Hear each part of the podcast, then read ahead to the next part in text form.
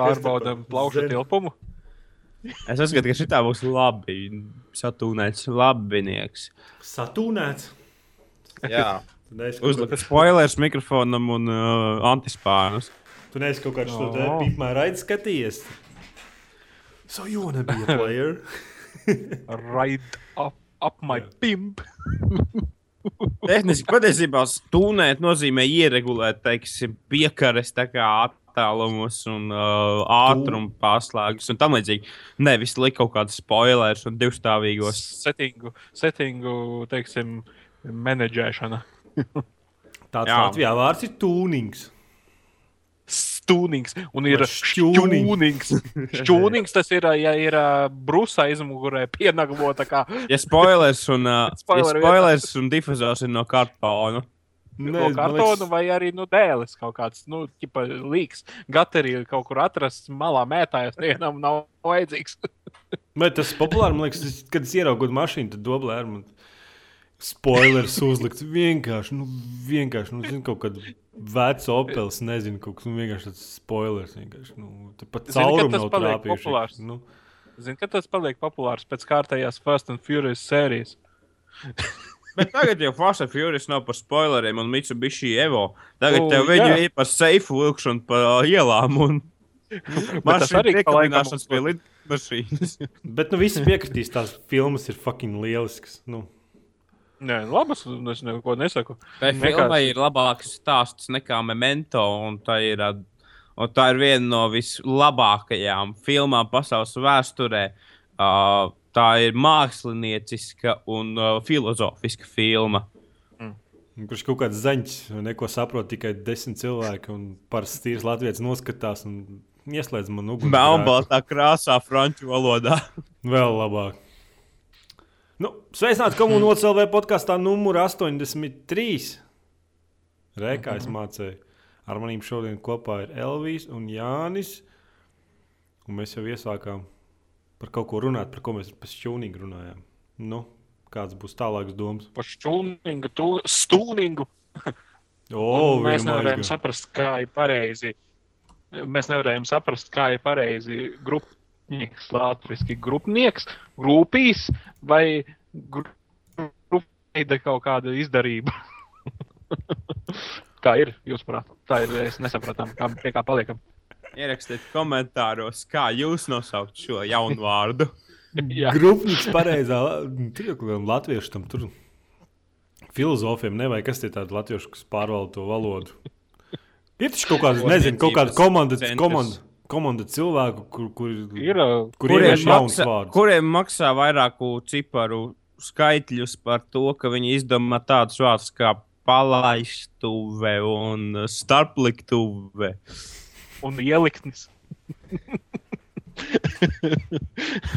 Nu jā, bet kaut kā jau nauda jāpelna. Tā jau Un kā nevar. telefoniem. Ma Maiga virsmas. Telefons vai kā bija? Maiga virsmas. Glāstu virsmas.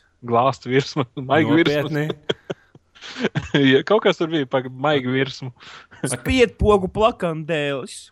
A, kas vainas Maigi bija virsmas, skārienu jūtīgajam ekrānam? Nezinu, kāpēc vajag. Redzi, Maigi, redzi, ka tas kaut kā izklausās moderni. Vajag, lai ir kaut kā saprotamāks. eh, Vajag, lai visi latviešu valoda izklausās pēc 19. gadsimta. Nu, apmēram, jā, renesanse ir atpakaļ. Man liekas, vienkārši, ka bišķi seksuāli norūpējušies cilvēki tur sēž. Nu. Jā, tā kā padomju savienībā. Es kur izveidoju jaunu biroju, un tagad ja es domāju, ko ar to darīt. Mm -hmm. apmēram. Glāsts virsma. Nu, Lā- Laiz virsma. labi, labi, nav kaut kāds pirksbakstis vai vēl kaut kas tāds. Pirksts bakstis. Tas jau izklausītos pēc pedofīļiem. nu, jo, nu, jo. Pirksts bakstis. Nu, bet, nu, tā jau, nu, kas, kāda starpība starp pirs, pirkstbaksti un glāstu virsmu, es nezinu. Tā apmēram jau vienā Atšķiras, cik rupi. Glāstīt nav tas pats, kas bakstīt. Nu, labi, pirkst. Nē, pirkstbakstis būtu diezgan, diezgan iecienīts vārds, man liekas. Jā. Vienkārši slimi, nu. Nu, Perversi nedaudz. Glāstīt ir šādi. Bet, Dzirdi? nu, Aprakstīt ir šitā. Tas izklausās pēc vietējā kaut kāda de- deju dziesmas, kaut kādas jaunākās. Bum, bum, bum. kalbaisnīgs bija. Jā, DJs. Vaisjam klubā klondājam. DJs Jaunzems, bum, bum. Ap pirkstu pa galdu sit, un visi dejo. Vāļiņko. Tas jau bija vēl hardcoreāks par mikrofonu, pat taisnos īsti. Mm. Nē, nu, tas jau būtu and bass, beidz. Runājot par mūziku, vakar atl atklāja latviešu izpildītāja Laura Reinika lieliskāko uh, darbu. Es pat viņu neklausījos. Vienkārši nosaukums bija vienkārši tik lielisks, ka es te pusstundu vienkārši asarās biju. Dziesma saucās Kokus rieksts. Vienkārši. Nē, nu, tas, Tas e, kā, lai īstenībā- konkurētu ar Jāņa Stībeļa glāze piens. Es nezinu. Lauris Reinis, Kokus rieksts. Pagaidā, Donam bija. Donam kaut kāda pēdējā dziesma bija arī spēcīgs nosaukums. Jā, paskatās. Donam? Mm, jā, Donam Kihotam. nē, Dons. Mūziķis, mūsu Nu, labais. mūsu labāk viņam vārds būtu Donts. Dons. Un pirmā, pirmā, viena no pirmajām par zilo kleitu ir dziesma, bet tā visticamāk ir veca par zilo kleitu. Slēpiet rožu dārzus. What the fuck? Nu, jā, Nē, nu tas pēdējā vēstule. Ne, bet par, par zilo kleitu arī spēcīgi. Nu. dziļi. Filozofs sastājās. Un, Fil- jā, Tāpat tās kā kokos rieksts par zilo kleitu. Lauris Reinis kokos rieks dziesmu. Dons par zilo kleitu. jā, nu vienkārši. Čaļi vienkārši močī. Vienkārši, vienkārši bez apstājas. Es nesen biju pie vecmāmiņas, tur viņas galda bija tāds kasešu maģīts, arī kaut kāds Japānas. Tur, tur uz uzlīm bija liela tāda POP 5000 vati. Bet nu, viņš tur darbinās no divām AA baterijām. Tām, apmēram tādā. Tad viņai bija uz galda kasete ķiršu lietus ar latviešu izcilākajiem dziedātājiem. Vienkārši. Paga. Bomba 15 vienkārši. Un divas AA baterijas. Vati un AA baterijas.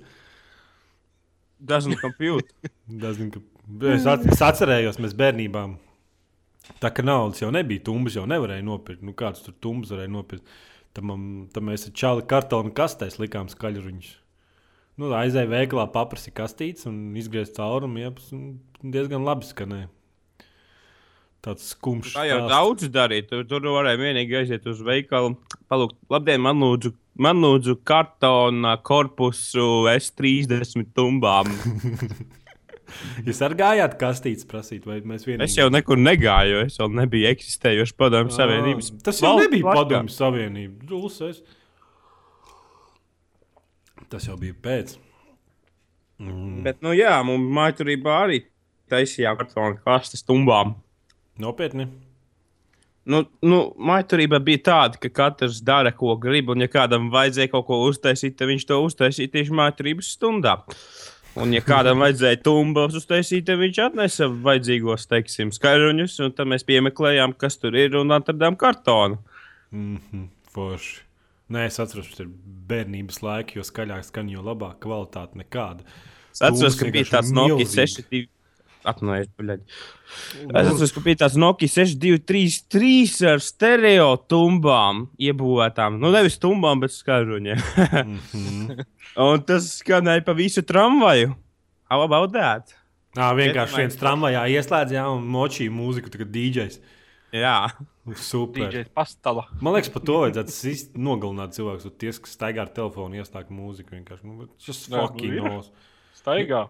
Staigā, Nu, jums, ne, es, es savu saprotu, zinu, ka sīkie tur iet tur kaut kādi 14 gadi. Nē, tur nu jā, tur, cik ir, tādi. Ir es ieslēgti. sēdēju autobusā, viens tur klausījās Gangnam stēlu. Kādu pēc tam? oh, bet varbūt viņš speciāli, varbūt viņš ir kaut kāds sātana, tas tur, nu, tāds izpildītājs vienkārši. Iesēdies viņa trolejbusā un izcinējis. ieslēdz šo, ieslēdz šo dziesmu. Labi, ka viņš neieslēdz to, nu, jā, jā, kaut kādu šo te crazy frogu tev neieslēdz. Bam, bam, bam, bam, bam, bam. Ding, ding, bring, ding. Ej, makarēna. Nē, tas, tas jau normāli bija. Makarēnai jau nebija vainas. Ja kāds neliels alerts varētu rasties trokšņi no mana mazā žuļika. Mm -hmm. Klausieties, jums ritmika bija skolā. Mm. Kas, kas, kas? Kas Ritmika. tur ir varbūt pat? Jums Kas nav bijusi ritmika skolā? Nezinu. Nē, bet pasakiet, kas tas ir. Varbūt Nu, pateikt, kā ir dejot zem Kaut kāda jauna, moderna. Ah, nē, nē, nē. Nē, Nē, nu, nevienu man reizi bija tautas, tautas dēļas. Tautas dēļas jau nē, ritmika, tur, kur tur modernās dēļas mācās. Tur tango, Ā, kaut valsts, kā- nu, ā, kāds atceros. modernās, nu, standarts. Aizvain policijas dejojām mēs. Nopietni. Jā, Modernās dēļas tagad ir twerkings. Ā, nu, to jau nevajag mācīt tev internetā, tagad tur pieiet un... Dzīves skolā. Mm -hmm. Nē, es atceros, ka mums visu laiku bija ritmikas stundā, un mums to čačā mācīja. Es joprojām, man liekas, nemāku vai māku, es neatceros. Un tad visu laiku vienu un to pašu dziesmu uz riņķa. Man liekas, viņai bija kasete, kurai vienā pusē bija viena dziesma, tad viņa apgriez otrādi un atkal tā pati dziesma skanēja. Projām. Nelielās šausmās atceros to efektīvi. brīdi, kad, eh, kad skolotājs pateica, tagad uzlūdz puikas meitenes. Nē, nu jā.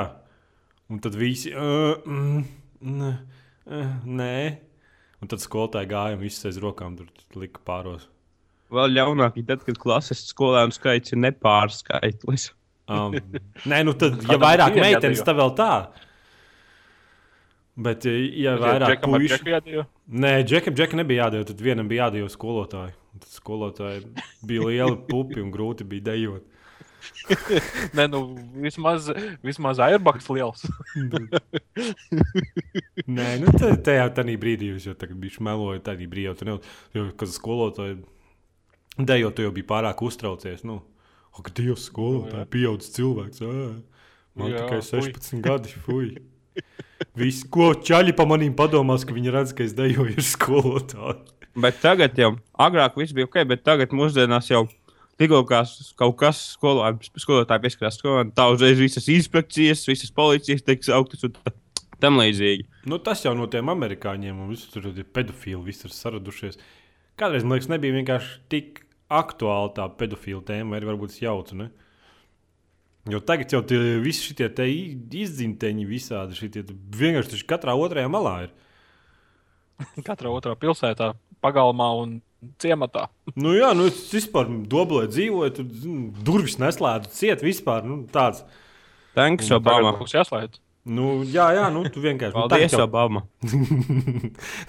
Tagad jau slēdz, bet es atceros, vienkārši mamma aizbrauca nu, uz Rīgā strādāt, tur pa friz, frizētavā kaut ko tur piepelnīties. un Tad viņi stāstīja, ka vienkārši vienu dienu strādā un skatās. Tur čalis pie logas stāv novilcis biks un pul, pulē stabuli. Vai vienkārši, domāju, nu, nu, what the fuck? Vienkārši, nu. Taisa šitās Mēs te, baigi labo mm, kultu bariem. ieņēmuši šo podcastu. Nerunājiet viens otram pāris. Ķipa mazgā. Nu, jā. Ķipa tīra logu un frizētavā. Nu, Mm -hmm. tā kā tā jā, jā, jā, jā. Jā, jā, jā. jā.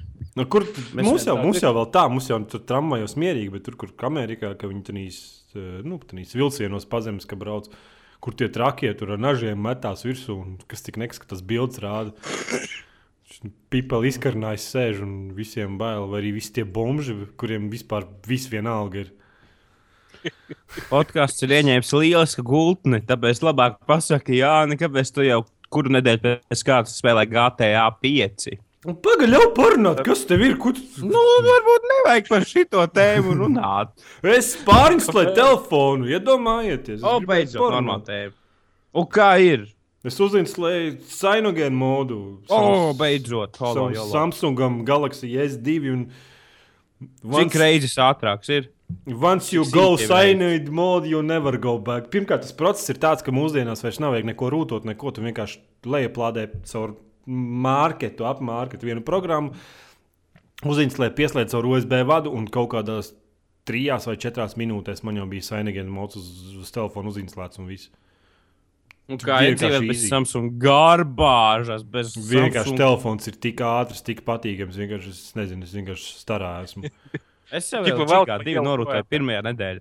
Nu, norūtot ir tas, bet nu, tu- tas pilnīgi nones to, kas tur bija tas Android Nu, Es mēsls. arī tagad dzīvoju uz Carbona Roma.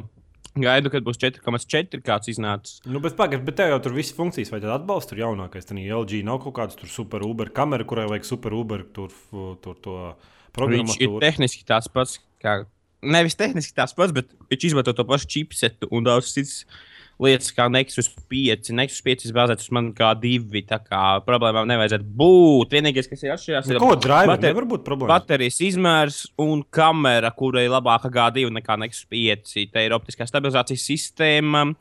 Un 13 megapikseli izšķirtspēja un daudz citas funkcijas. Bet, Blā, blā, blā. Bildes var kameru- uzņemt un pasaki. Nu, tur kaķi var nofotografēt, kā Laikam. viņš, kā viņš guļ. Ar... Es nezinu, es jau telefonu neizmantoju kamerai. Es jau telefonu izmantoju, lai to. Internetā Es negribēju- es negribēju Zvanīt jau tu nezvani nevienam un īziņas nesūti. Mm, zvanīt, tas jau, tas jau ir 20. gadsimts. Tad nafig, nafig tev vajag tik krūtu telefonu. Viņš jau pavēlti dabūjis. iet internetā, internets ir, internets bizness.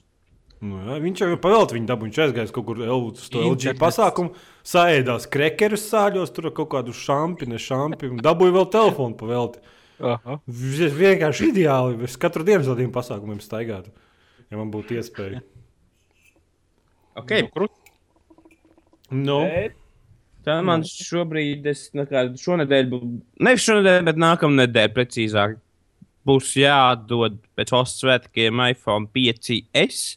pak, tas tas jaunais ar to pirkstu Pirkstu nospiedumu. nospiedumu Nu, lasītāju. pirkstu, pirkstu Man, viņš, nospiedumu? man patīk pirkstu nospiedumu lasītājs. Viņš nav gimmiks, viņš man tiešām patīk. Nu, bet tu mēģināji, kā viņš tu tur to drošību strādā. Es viņu lietoju, un tas nav drošības rīks, tas ir ētības rīks. Proti, ja viņš tā kā, ai- vi- viņš tā kā ir tā kā vēl viens veids, kā iekļūt telefonā, neskaitot to paroli, kur tu uzliec lokskrīnam. Un uh, turēt, pa, paturēt pirkstu uz dažām sekundēm, nevis dažām sekundēm, bet da, dažu nelielu brīdi uz šīs sākuma pogas, kur viņš jau tev atrodas. Ir daudz ārtāk nekā četrus ciparus spiest. Nu, es Nu, nezinu, mans... Labi, nu jā. Diezgan sūdīgs tas ir. Kāpēc? Cik es dzirdēju, nu, viņi jau paņēma ar vienkārši ar uzlīmi var apiet. Bet tas nav drošības rīks tādā ziņā, ka uz tā var uzticēt valsts noslēpumus un datus. Tas ir drošības rīks tādā ziņā, ka lai pārtīja laikā kaut kāds, kaut kāds draugs nepaņem un neuzraksta Facebookā, ka tu esi gejs. Ar tavu profilu, ja? Nē, bet redziet, ka es tam sainīgi ir modam. Tu piespied vidējo pogu, man atverās lokskrīns, un, ne, un tu vari vienkārši ar vēl vienu to piespiedu pogu uzreiz aiziet uz jebkuru tur zīziņu aizsūtīt, WhatsApp, iet internetā, iet kontaktus, pastīties. Nu, vienīgi, nu. Varbūt vienīgi tas, ka nu, tev paroli nav jāievada, ja tu parasti kaut kādu paroli uzliec, vai ne? Vai kaut kā tur, nezinu, Jā. ko, ko Android lietotāji mīl, tur tās bumbiņas salikt, un tad vilkt kaut kādu tur strīpu, geistisku pāri.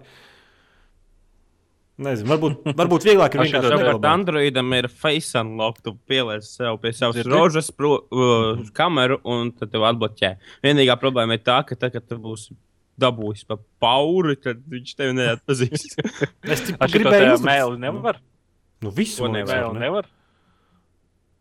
Jā, Nu, ko tā uz nevar? lokskrīna. Lokskrīna, kur ir vienkārši nevis pirkstu, bet vienkārši nolasīt tavu mēlis ar ievojumu. Un tad vienkārši atlokot ar mēli. Ļoti nehīgi. Es mēģināju. Viņš tagad Nē, es mēģināju. Viena lieta, ko es esmu iedomājies, vai iPhone šitos skārientīgais darbotos ar 21. pirkstu. Tev es domāju, ka vajag. tas visu laiku mocīja tas jautājums, bet Jā, es bet tagad uzdot. Es jau nedrīkstu izmēģināt, ja šis ir LMT iPhone, un es negribētu atdot viņu tādu. Bet tieši tāpēc var pamēģināt. Tev vajadzētu uztaisīt veselu apskatu, ar kādām cilvēka daļām var unlockot iPhone 5S. Nu, Tev vajag izmēģināt pilnīgi visu. Tur deguna ausis, tur nezinu. Padusē, padusē iebāzt. Starp pirkstiem. Jā. Sāpīgi, varbūt nedaudz lēnām varētu kaut kādu infekciju āt- dabūt ašu, tāpēc ka acis diezgan ir infekcijos. Bet nu nekas, vajag izmēģināt, es domāju. Es domāju, ka visa, visas pilsētas, nu, Latvijas iedzīvotāji par to tev pateiksies vienkārši. nu. Labs, labs šitais te apskats būtu. Jā. Jā, autobusā jābūt jā, iPhone. Ar polām. Ko es- Netraucējiet man, šis ir grūts pasākums. Neskatieties. Izvelk no biksēm un uzliek. Mēs esam tagad atpakaļ pie iepriekšējās tēmas. Mm. Nu, bet tas, tas, tas, tas pirkstu nospiedums strādā, viņš tā kā ideāli. Devi kādiem citiem ar pirkstiem atslēgt, viņiem neslēdzās vaļā. Nē, tur jau katram pirkstam ir jāizstāda savs profils, proti. Facebookā.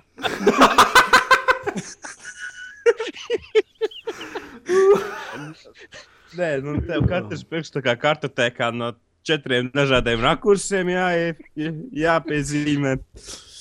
Tā kā, lai darbotos jebkurā veidā, kā tu uzliec to pirkstu. Tāds jautājums, cik jums gadu ir? Nu, nezinu, tas izklausās stulbi, kaut kāds pirkstu nospiedumu noņēmējs. Pirmais, ko tu gribi, normāls, kā Latvijas rīzot, tas ir pats saproti. Izmēģināt visus pirkstus. Lielas skenes Zini, zini, kas ir pats sāpīgākais? Šitās te valdības aģentūras, ko iesāks ar manu nospiedumu.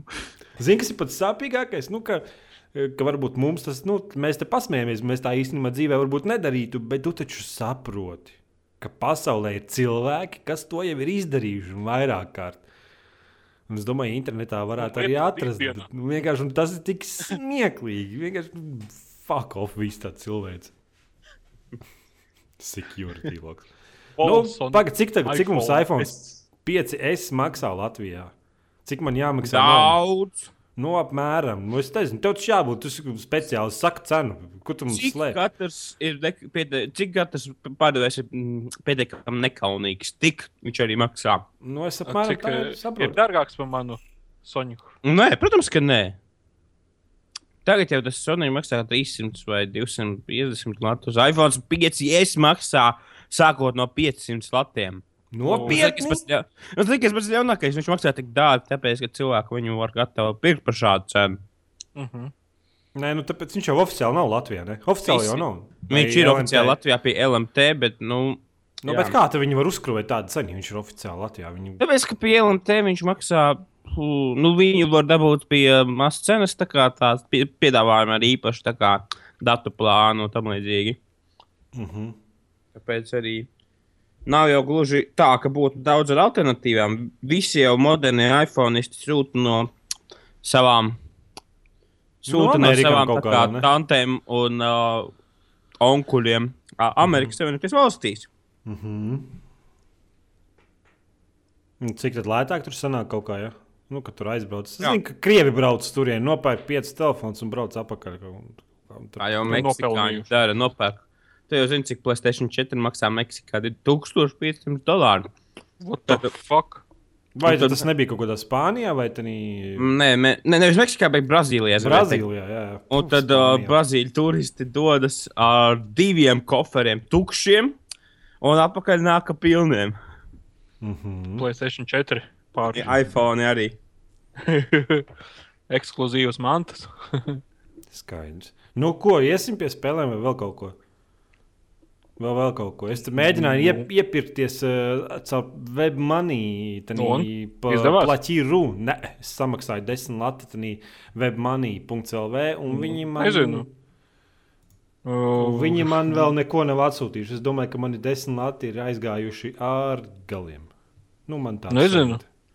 Kā nezinu? Protams, ka tu nezini. Kā tu vari zināt, vai tu strādā plaķī LV? vai nē, kas webmoney LV? jā, jā, man, man, Man nav aizgājuši. Kaut ko ne tā esi izdarījis. Nē, nu, viņu, varbūt, varbūt tur divas dienas jāpagaida, vai kā. Bet, nu, jā, tas, tas process, kā samaksāt uh, krieviem naudu kaut cik legālā veidā, ir vienkārši fascinējoši. Awesome. Debīls. Awesome. vienkārši. Sākumā tu ieej webmoney.lv. Izvēlēties, cik tu Izveido gribi čeku. maksāt, tad viņi tev atsūta rēķinu, tu samaksā rēķinu, tad viņi tev atsūtīs kaut kādu e-pastu, kurā būs links, kurā tu varēsi to to, ko tu samaksāji, kaut kā pārvest uz to kontu. Es, es vēl tik tālu neesmu ticis, jo man vēl nav atnācis e-pasta tad tu, tad tu vari to naudu pārskaitīt uz savu webmanī, to maciņu, un tad ar webmanī mm -hmm. maciņu uh, vajag ir kaut kādi pieci, pieci veidi, kā samaksāt, un tad tev vajag izvēlēties, izvēlēties webmanī light. Un... Es nesaprotu, kā kaut kas tam līdzīgs 2000. 13. gadā vispār eksistē un kāda vēlna pēc Krievijā nav PayPal. Nu, tā, kad es pirku Battlefield 4, uh, tajā tur, kā viņi to sauca, juplējā, uh, es tā kā maksāju pa taisnu ar kredītkarti. Es nezinu, jā, juplējā var. Jūplējā var, jā, bet uh, redz, kas tur ir pa lietu, ka tā plaķī rūbi ir vēl divreiz lētākas cenas. Jā. No. Race to the bottom. Nu, redzēju, kundzes skaudzēm pērka. Viņš man pat vakar X-ray birs dabūja par 7,60. Ah, un kā? Kurš maksā pie mums e, gandrīz 50 eiro? Ja? Jā, varētu tā būt. Ah, un tā tu plati rūji baigi forši, ka viņi uzrāda cenas dolāros. Dolāros, jā. Nu, tad, nu, es nezinu, es, ja man ieskaitīs to naudu, viņas tur desmit lati ieskaitīt testam. Es gribu nopirkt, beidzot, es gribu nopirkt uh, Dark Souls Prepared Die Edition priekš Steam. Kurš Latvijā legāli nav iespējams viņu nopirkt. Un tad es mēģināju no kaut kādiem ārzemju tiem tur kā, portāliem, trījiem, no trījiem mēģinājumiem. Visu laiku man atteica kaut kāda PayPal drošība. Es nezinu, kas tur pa vēlnu. Tajās pat īrunās jautājums, vai viņas tā kā ir. Uh Kā lai tu pasaki? Pārsvarā region free ir viņas. Un angļu valodā vai rašu valodā? Jālasa, kā gribi. Tur jālasa, ka ir, jā, tur ir jāapraksta obligāti. Jeb, jebkurā veidā, kur tu pēc tam jālasa aprakstīt, ir internetā. No, jā, jā. Bet, nu, ja vidēji skaidrs, ka tur ir angliski, angliski pārsvarā. Jā, jā. Beidzot, man ir, kā, man ir vērts no izvēlēties, teiksim, angļu, krievu un tam līdzīgi. Nav tā kā, teiksim, Battlefield 4, kurš bija visiem uh, Austrum Eiropas iedzīvotājiem poļu vai krievu versija. Nu, tu jau vari angļu versiju nopirkt, vienkārši poļu versija bija lētāka un krievu versija. Tāpat kā es izdarīju. Es nopirku uzreiz to visu DLC, bet nu, nedaudz nožēlēju. Bet, nu, Runājot par, kā, par valodām, nepērciet Battlefield 4 krievu valodā, tāpēc ka katrs pēc to visu sabojās. Un pats galvenais Uh, tagad, tik, tagad vairs nav tik vienkārši kā ielikt TOC un valodas failus no um, angļu uz krievu versiju un izpečot dažus DLL un dažus reģistrieru ierakstus mainīt. Tagad arī viņi ir iekodējuši valodu Excel, līdz ar to būs jāmaina Excel. Vai es to jau neteicu iepriekšējā podkāstā? Jā, es teicu, jau, bet tur, tur oriģins jau angļu valodā patās ir. Paspēle jau var spēlēt arī krieviski, tur jau nekas nemainās. Nu, kas, Manā, nu, kas tieši tur nomirst. Nu, man teiksim, tā valsts komandas nepatīk, tāpēc, ka viņas izklausās vienādi gan ķīniešiem, gan angļiem, gan krieviem. Nu kāda starpība? Tu jau spēlē tāpēc, lai kildedrēšanu uzkačātu un palielītos uz saviem YouTube klipiem, YouTube tur kaut ko nofilmēt. Es īsti 360 nav skatījies. Jā, jā, jā. Kāda starpība, kāda tur valoda? Ja, ja tu gribi, ja tu nesaproti tās izvēles īsti, varbūt tad ir jāproblēmas, bet tas jau tev vienreiz tikai jāsaprot. Es saprotu, tāpēc, ka es jau viņus esmu iemācījis no betas. Nu, jā, tur var, man liekas, haigi, un tur puse angliski tāpat tās ir. Labi, ejam, nezinu, pie Jāņa. Ko, Jāņa, nu, ko mēs iesim pie tevis visi ciemos tagad. Kaut ko, kaut kas ēst tev ir un dzert? es tikko brokastis pāēdu. Nu, tad labi, dodamies. No, bet mums arī viss apēst. Vai, neinteresanti. labi, pēc kam tu spēlē joprojām GTA 5? Tāpēc, ka viņš ir tik slikts, ka ir viņu vērts tik labi spēlēt un tik daudz. Pagaidām, mēs pagājušajā podkāstā runājām, tev, tev jau bija iznācis tas pats 05 vai 05 vai 06. Ot, es nezinu, Nē, nu, viņi tur ik pa laikam tos pašus laiž. Un, un, un, un viņi tagad ir palaiduši vaļā, kad var mm, par nu, reālo naudu pirkt in-game naudu.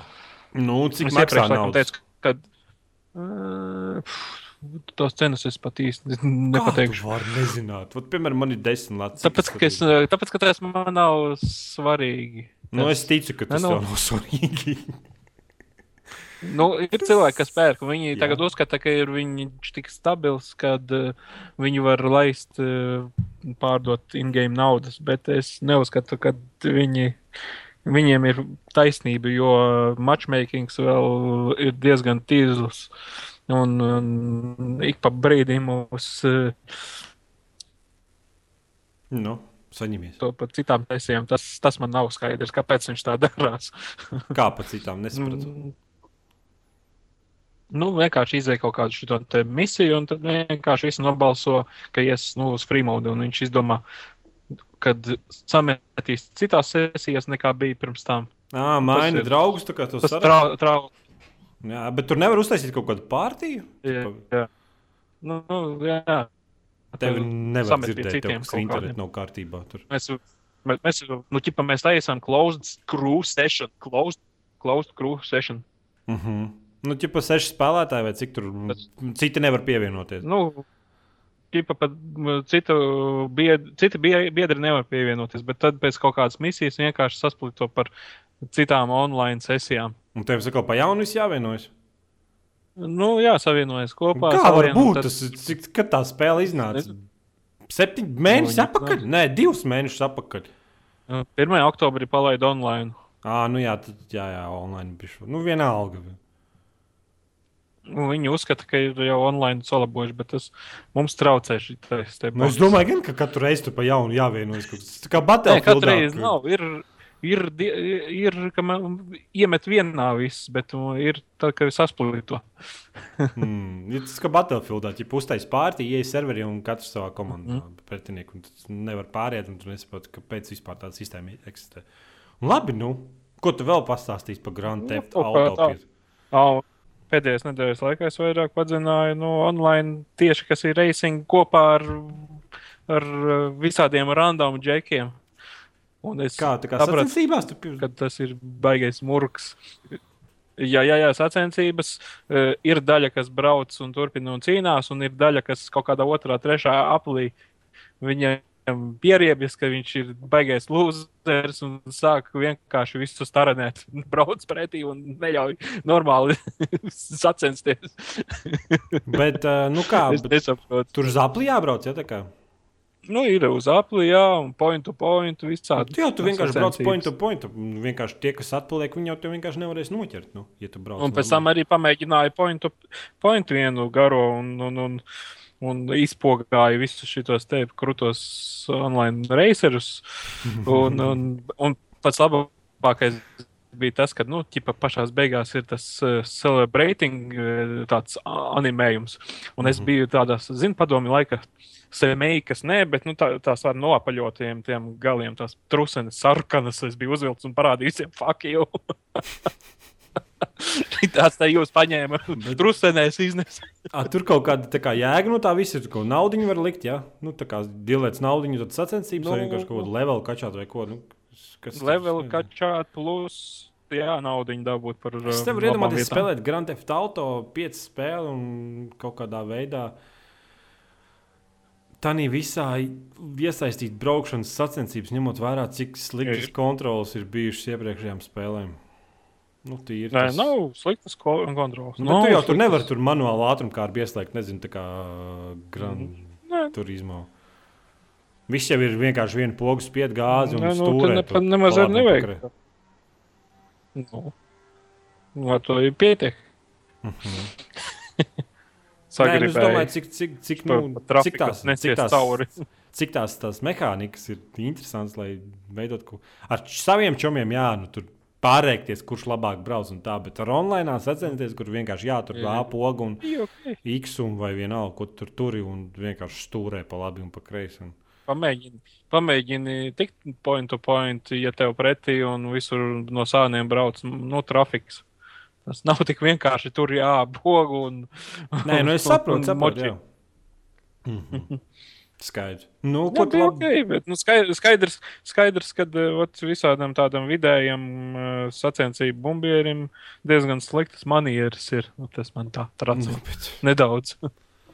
Nu, bet tas ir online, ko tu gribēji. Tu gribi teikt, ka internetā ir tikai vieni pozitīvi cilvēki, kas, ja Nu, spēli var salauzt, viņi viņu salauzīs. Mhm. Jebkādā veidā. Vien, vienīgais, ar, veidā, nu. kas, kas, kas trūkst, tas ir, nu, ot, kad ir tie apļi. Nu, tāda penaltī sistēma, kad viņi šī tādas joks sāk taisīt pretī, braukt un tad vienkārši kaut ko ņemt no līmeņa. Nu. Jā, nu, nē, nu, tas ir GTA. Nu, kāds, nu, kā tur penaltīs? Tas, tā pati spēle ir. nezinu, ar dildo ievilkt kādam pa seju. Ir tur dildo.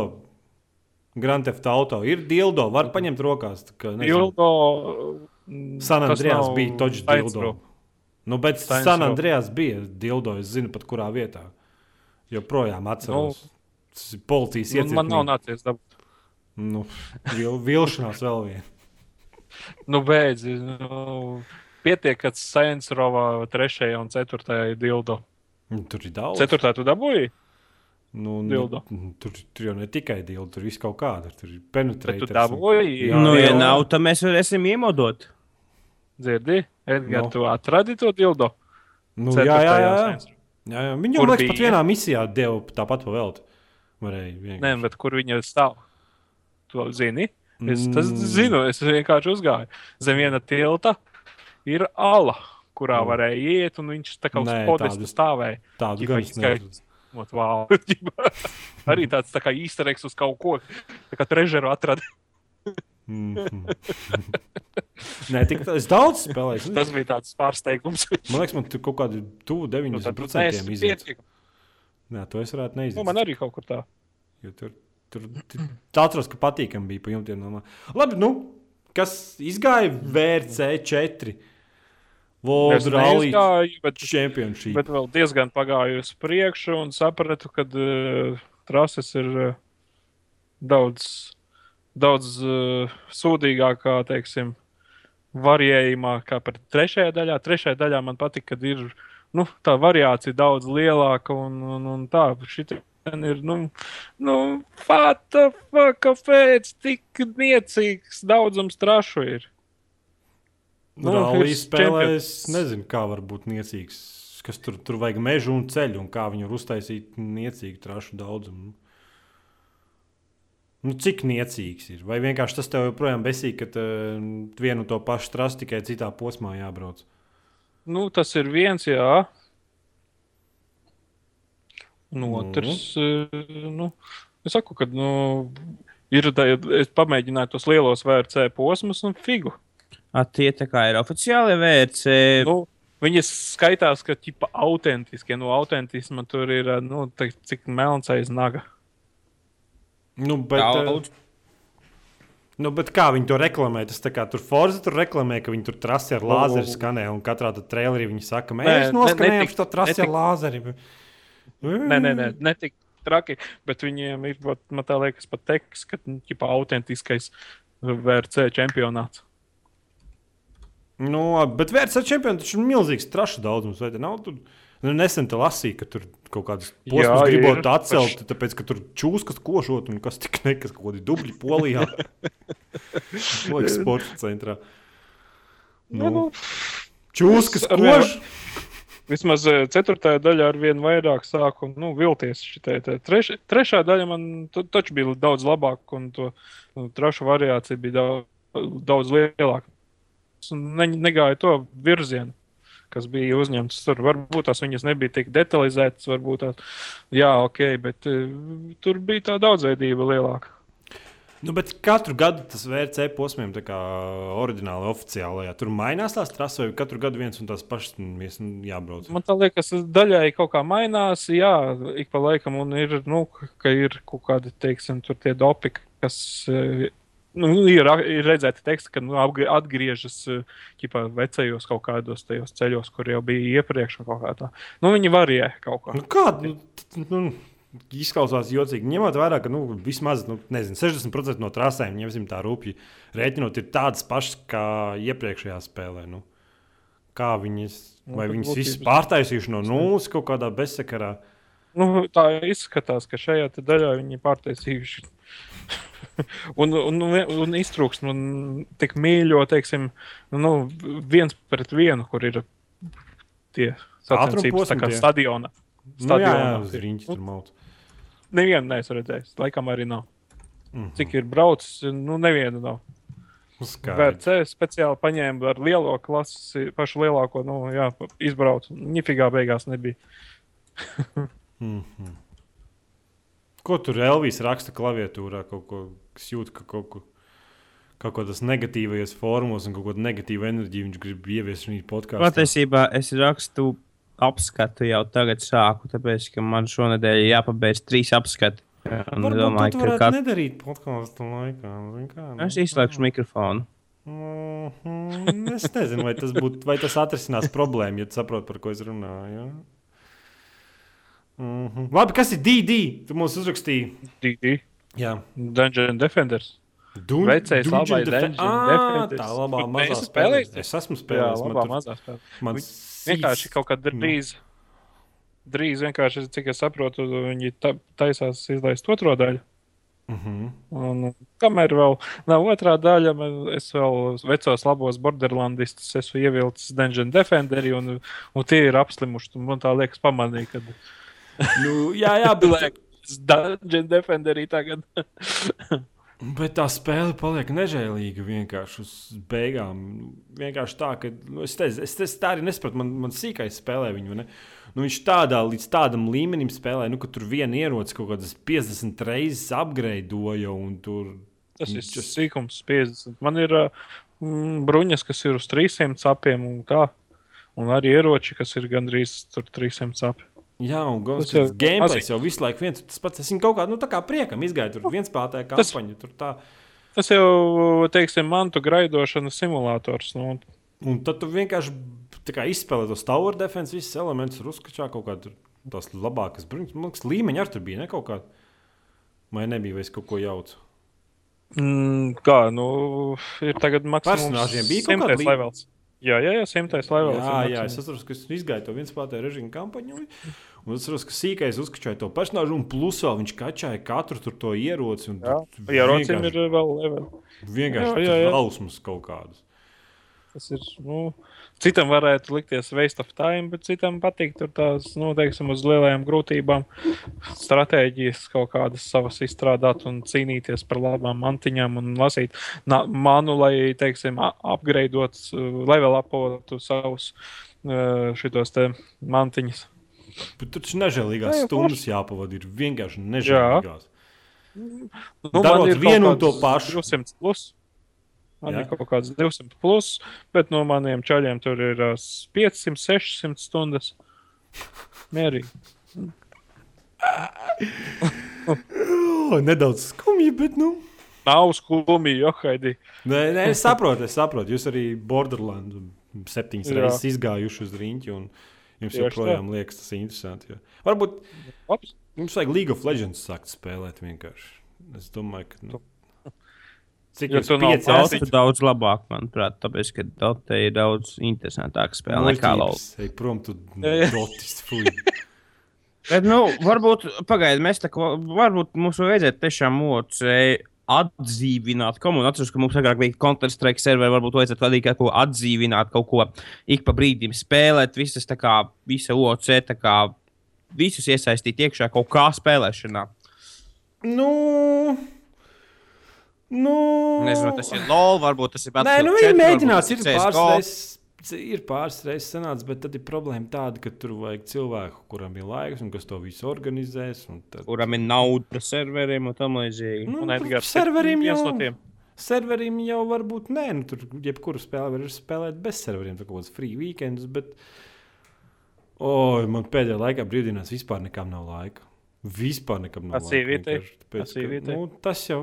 Tā, Nu, tas, Parasti jau ir tā, tas jau ir tas, kad- visam nav laika. Jā. Tas jau ir viens no tiem iemesliem, kāpēc man nav laika. Sieviete? Jā, Pēc, nu, kaut kā brīvdienās mēs, mēs visi vienkārši draugiem viens otru visu nedēļu garumā neredzam. Tad brīvdienās viss saskan, tad viens pie otra braukā, tur ņemās. Un tad mēs reiz League of Legends vakarā taisām, vai vienkārši dzeram. Vai vienkārši, nu, ah!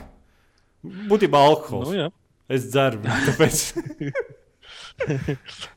Jā, ja kas tas pareklamēja, Dungeon Defenders ir uh, viena no spēlēm, ko ir vērts toču paspēlēt un labi ieguldīt laiku. Es Tā gadījumā neesmu uz priekšu. kādā Humble bundlā vai tam līdzīgi. Man liekas, ka Mierīgi, bija, jā. varbūt, varbūt. Jā. Nē, mēs, Bet, mēs eh, kopā spēlējām. Jo parasti ir tā, ka, uh, bija. ja es kaut kur izdzirdu spēles nosaukumu, hmm, kaut kur dzirdēts, ah, man tā spēle jau ir. Slikti, ka neesmu spēlējis, bet viņa ir s- daudz, daudz spēlējamāka ar visiem DLC kopā. Jā, Nu, vienā no bija kaut Humble kas tā bija laikam DLC arī doti visi līdzi. Tā kā bija BTA. Labi, Mm. A, ko tu domā, Edgars, par Bioshock Infinite Burial at the Sea. Ak, Dievs! Ak, Dievs, tik labi. Vienkārši tas tā kā mazs bērns iegāja tajā papakaļ, tajā pasaulē, tie vecie personāļi. Vienkārši viss vēders sāk kņudēt. Nu, tas nezinu, neaprakstām. Eh, Taurentiņi. Jā, nu Pa- tas nezinu, tas fucking dievinu to spēli. Just, Nu, jā. tik vienkārši, tik lieliski. Vienkārši tas, tas atgriezies tajā mm. idiotu pasaulē, kur viss ir nedaudz dīvaini. Un... Jautājums ir tāds, vai ir atgriezusies tas atmosfēriskums, kas bija oriģinālajā Bioshockā, bet kas bija pazudis uh, trešajā nē, tas- Viņi ir izmainījuši to stilu. Nu, viņš ir bijis savādāks tagad. Es nezinu. Tik atmosfēriski nav varbūt tāpēc, ka tu esi pieredzējis pie tā visa jau. Nu. Nu, tomēr krāsas ir gaišākas, tur tā, tie, tie toņi visām tām. Šeit ir viss tas notiek tajā pasaulē, kad viņi vēl nav iznīcināti. Tāpēc arī viņi ir tādi, ka nu, visi veikali vaļā un tur visi cilvēki mierīgi apkārt staigā. Un, nu, nav viss tā pasaule iznīcināta vēl. Var pieiet, tur parunāt, pat tur modi paņemties un tur pastīties pa veikaliem un tur visu kaut ko tam līdzīgu. Un, tā kā nu, Bet, eh, vienkārši staigā apkārt, muti vaļā un skaties. Bet kāpēc viņai ir tik zems vērtējums? Tā kā tie galvo un domā, Kāpēc? tam es neesmu skatījies. kaut kāds seši man tā liekas bija. Mm, Kaut kāds nezinu. games pats bija 9,6. Ja Es nezinu, kas tur, tad kas tur pa idiotiem vērtē. Tāpēc, ka Call of Duty 11 no 10 Game of the Year. Nē, Laba nu es- spēle, kā teiksim, Burial at the Sea. Meh, vai labāk. Nē, nu kā, nu tas jau ir. Nē, tas nu, arī, arī, arī GameSpots nu, gaustam deva diezgan nu, salīdzinoši zemu vērtējumu, ņemot vērā, ka tas kantors ir uzpērkams. Nē, nu kā tas uzspēkam šie dilēmas. Oh, viņam samaksāja naudu, viņš novērtēja spēli. Who fucking cares? Jebkurā gadījumā Bioshock Infinite jau pašā oriģinālā bija spēle. Uh, spēlē bija problēmas ar cīņas mehānikām un šaušanas mehānikām. Tās nemaz nebija tik lieliskas. Nu, tās bija jautras, bet nu, neteiksim, ka viņas Man- bija nu, tik lieliskas. un Tāpēc, piemēram, kad iznāca tā režīms, kur tik kā arēnā var šaut pretiniekus, kaut arī liels Bioshock sērijas fans, es pat to DLC pat nemēģināju. Vienkārši man pilnīgi neinteresē. Tas nav tas, ko tu no tām spēlēm gaidi, man liekas. Nu, tas jaunais, papildin, jaunais papildinājums vienkārši kaut kāds divas stundas, neliels stāsts daļa, cik es saprotu, tas viss stāstā notiek pirms Bioshock Infinite oriģinālās spēles. Varons tas pats Bukers. Jā, jā, un Elizabete ir un just fucking awesome vienkārši. Es nezinu, man, man ļoti patīk, saka, man vienkārši tauriņa vēdā. Plus, es vēl spēlēju Infinity režīmā uz trim monitoriem.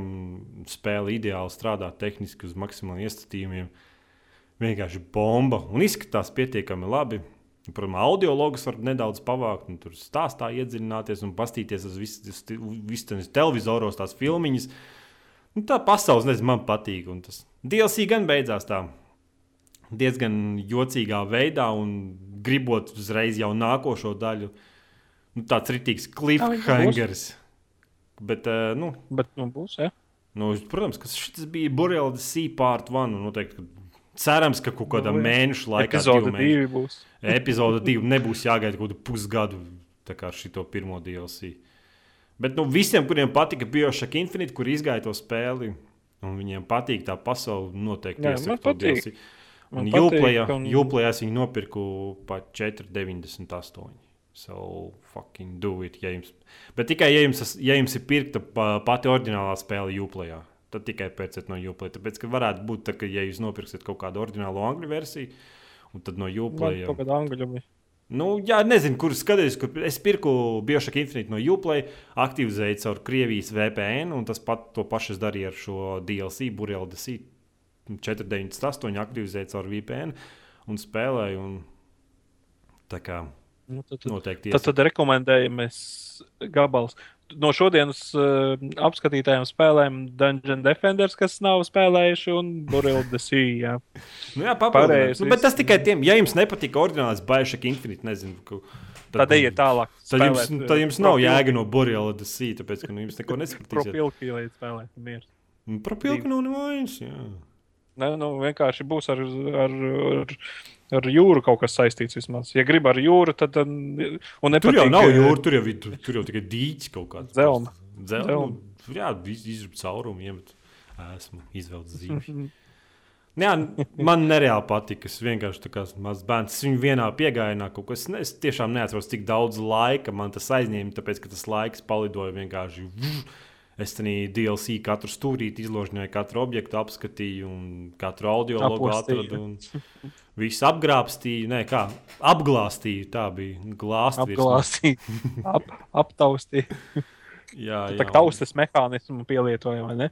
Mm -hmm. Viss tur audio, perfekts, personāžs, perfekti grafika, diezgan iespaidīgi un perfekti. Nu, bla, bla, bla. Ja jums pasika, patika Bioshock Infinite, tad es nezinu, kāpēc jūs nespēlētu papildinājumu, kas ir tikpat lielisks. Bet to tu nesaproti. Nē, jautājums saistībā ar Bioshock DLC. Vai tu domā, sezon pass ir tā, sezon pass ir tā vērts, vai arī tikai šī tas ir tās tā kā labs DLC viņiem? Nu, es domāju, ka pārējiem. Es domāju, ka nav vērts, tāpēc, ka ņemot vērā, ka viens no DLC bija tā arēna, kur tu būtībā vienkārši sit cilvēkus arēnā ar biošaku infinītu mehānikām, un es nezinu, kurš to gribētu darīt. Es pat, es pat nezinu, cik cilvēku vispār to spēlēšu. Pat, nu, fucking, kāpēc, lai tu gribētu biošaku infinītu hordu modi? Nu? Tā kā, ja tā ir daļa, un ja, ja tur viņi turpinās kaut ko tamlīdzīgu taisīt, bet, ja tas, protams, ir visu laiku būs viens spēlētājs, spēlētājs, kā konteksts, stāsta ziņā kaut kā tāda, tā, tad jā, bet, ja puse no tā ir kaut kāda jauna ieroča un kaut kāds cits mēsls, tad viennozīmīgi ne. Tad labāk nopērst to, ko tu gribi. Vismaz, vismaz pirms tu nopērci, tu saņemsi apskatus. Jebkurā gadījumā tie DLC pēsi ir Battlefieldam prēmijums vai biošanas. Vai tur Call of Duty, tur Just, es domāju, ka mm, Latvijā vismaz šobrīd ir stipri ignorējams saturs, ņemot vērā cenu, nu, ko tur es, saņem. Pirmkārt, es vispār negribu ignorēt tādas lietas kā DLC, kuras ir apzināti izgrieztas no spēles. Kad, kad šī tā likās, vai tiešām bija pēc tam taisīta, vai jo, viņa bija, jo, jo, bija jau no sākuma? Tur ir pilnīgi cits stils, pilnīgi, nu, vienkārši. Nu, tā ir pilnīgi cita pasaule. Tas jau zem ūdens, visur apšurā notiek. Es zinu, bet, nu, jā. Vai nebija tā kā, teiksim, Mass Effect 3 DLC, kurš burtiski stāvēja uz spēles diska? Romašas, jā. Nu, tas jau ir IE games. Viņš jauc izstrādātājs. Viņš nu, jauc. Šitos, šitos spēli Bioshock Infinite. Viņi jau tur 150 reizes atlika pirms izdeva. Tas nav tā kā IE games vienkārši mums ir datums un pofika spēle, Battlefield ir un izdodama. Par Battlefield 4 runājot, viņi palaida garām lielisku iespēju. Tā, uh, ja, viņi būtu, ja viņi būtu pagaidījuši un salabojuši spēli un izlaiduši vēlāk, tad tagad, kad Call of Duty cilvēki ir neapmierināti ar to, viņi varētu pateikt, hei, apstāties kādu mūsu spēli, daudz labāk nekā Call of Duty. Varbūt, nu, apstāties, mums, mums ir perfekta spēle. Tagad, kas pateicoties tiem deadline'iem, jo ir apstiprināts, nevis apstiprināts, bet daži anonīmi daļas darbinieki tiešām apstiprinājuši to, ka Battlefield 4 tika sasteigts, lai izlaistu to pirms Call of Duty Ghosts. Tagad, kas ir tagad? Mēs esam tikuši pie diviem, nepade, diviem nepabeigtiem šūteriem, nevis pie viena lieliska un viena izgāšanās. Mm -hmm. Tagad. Jā, tā kā es šobrīd nevienam neizsaku par Battlefield 4, līdz kamēr viņi nav izlabojuši. Patch it kā salaboja dažas lietas, un dažas vispār uh, vairāk sabojāja. Mm. Labi, teizu, mums Battlefield 4 tēmā pašā beigās. Nu, jā, es tikai, par, es, tikai par to, par, es tikai par to sasteigšanu. Kā, kas ir ironiski, ņemot vērā, ka es sasteidzu runāšanu par Battlefield 4, lai parunātu par sasteigšanu. Forši! Vienkārši super! Tev saldējums par to. Laura jaunāko disku vienkārši te uzdāvināšu. Kokos rieksts. Kokos rieksts un par ziliem, par zilām kleitām. Tad savu spēlēju man, reku, tas atvainojos, es pateikšu cilvēka konkrēto vārdu. Kāsīts man iedeva alfa, beta pieeju, nezinu, kaut kādu draugu pāsu. Nedara spēlēju, kurā, vai visi ir spēlējuši vārdu zīmi, Daisy. Es zinu, kas ir neliela atšķirība starp abiem. Nu, apmēram, ne, nu, tas nu, būtu ideja skaidra. Ideja tev skaidra. Nedarā tur būtībā viens personāžs tev iemet pilsētā. Izpostītā viss ir apaudzis te un pa mājām un vāc visu kādus priekšmetus, tur mm, ēdienus, ieročus, kaut kādas ierocis ir neatrast, izņemot kaut kādu lauzni, kraubāru un tur kaut kādu naudu var savākt. Tad, tad var aiziet Ir tāda safe zona, kur cilvēki tirgo tev ieroči, lai gan par to naudu var kaut ko nopirkt, pārdot lietas un tādas lietas darīties. Bet būtībā visi spēlējuši Daisy un saprot, par ko ir runa. Drīzāk man pat vienu brīdi likās, ka tas vienkārši vārzi izstrādātāji pametuši vārzi un uz tā paša ziņu uztaisījuši. Nedara, tāpēc ka spēle izskatās nu, grafiski diezgan neoptimizēta, tāpat kā bija vārzī. Un tad, uh, nu, tas viss, tas spēles interfejs ir diezgan, diezgan atbaidošs. Un viss tas spēles koncepts ir arī diezgan apgai, apbaidošs. Vis, visa tās pilsēta ir diezgan apbaidoša, tāpēc, ka burtiski ienākā un tur kaut kāda kā septiņi stāvi, un tur kā muļķis skrien pa tiem stāviem. Tur nekādas īpašās dekorācijas nav. Nav nekādas istabas, vienkārši, nu, vienkārši platformas kaut kādas. Tur pat daudzām ēkām ir, tur, kur vajadzētu būt trepēm, nav trepes, bet ir vienkārši taisni dēļi. Nevis dēļ, bet vienkārši trepju vietā ir vienkārši taisns uz augšu rampa. Tu uzskrien, savāc kaut kādus čipsus, noskrien lejā. Un, un, nu, nezinu, lik, likās, kāpēc viņi vispār kaut ko tam līdzīgu taisa. Un monstru vietā šeit nav zombiju, kā pierasts citās spēlēs, bet ir gan nedara nedarījuši. Es nezinu, kas, kas ir domāts, ka kaut kāds bioloģiskais sprādziens noticis un daudz cilvēku. Inficēti. Daudz cilvēki pārvērtušies par tādiem monstriem. Tā vairāk. Bet viņi arī pie monstru piegāja diezgan interesantāk. Nu, cik interesantāk. Tie vairs nav zombiji, kur vienkārši viss vienādi. Bet, nu, tā kā Left 4 Dead ir monstri, kuri uzsprāgst vienreiz, iesaistīt monstri, kur iekļiedzās, un citus monstrus piesauc, ir kaut kādi ātrie monstri un tādi.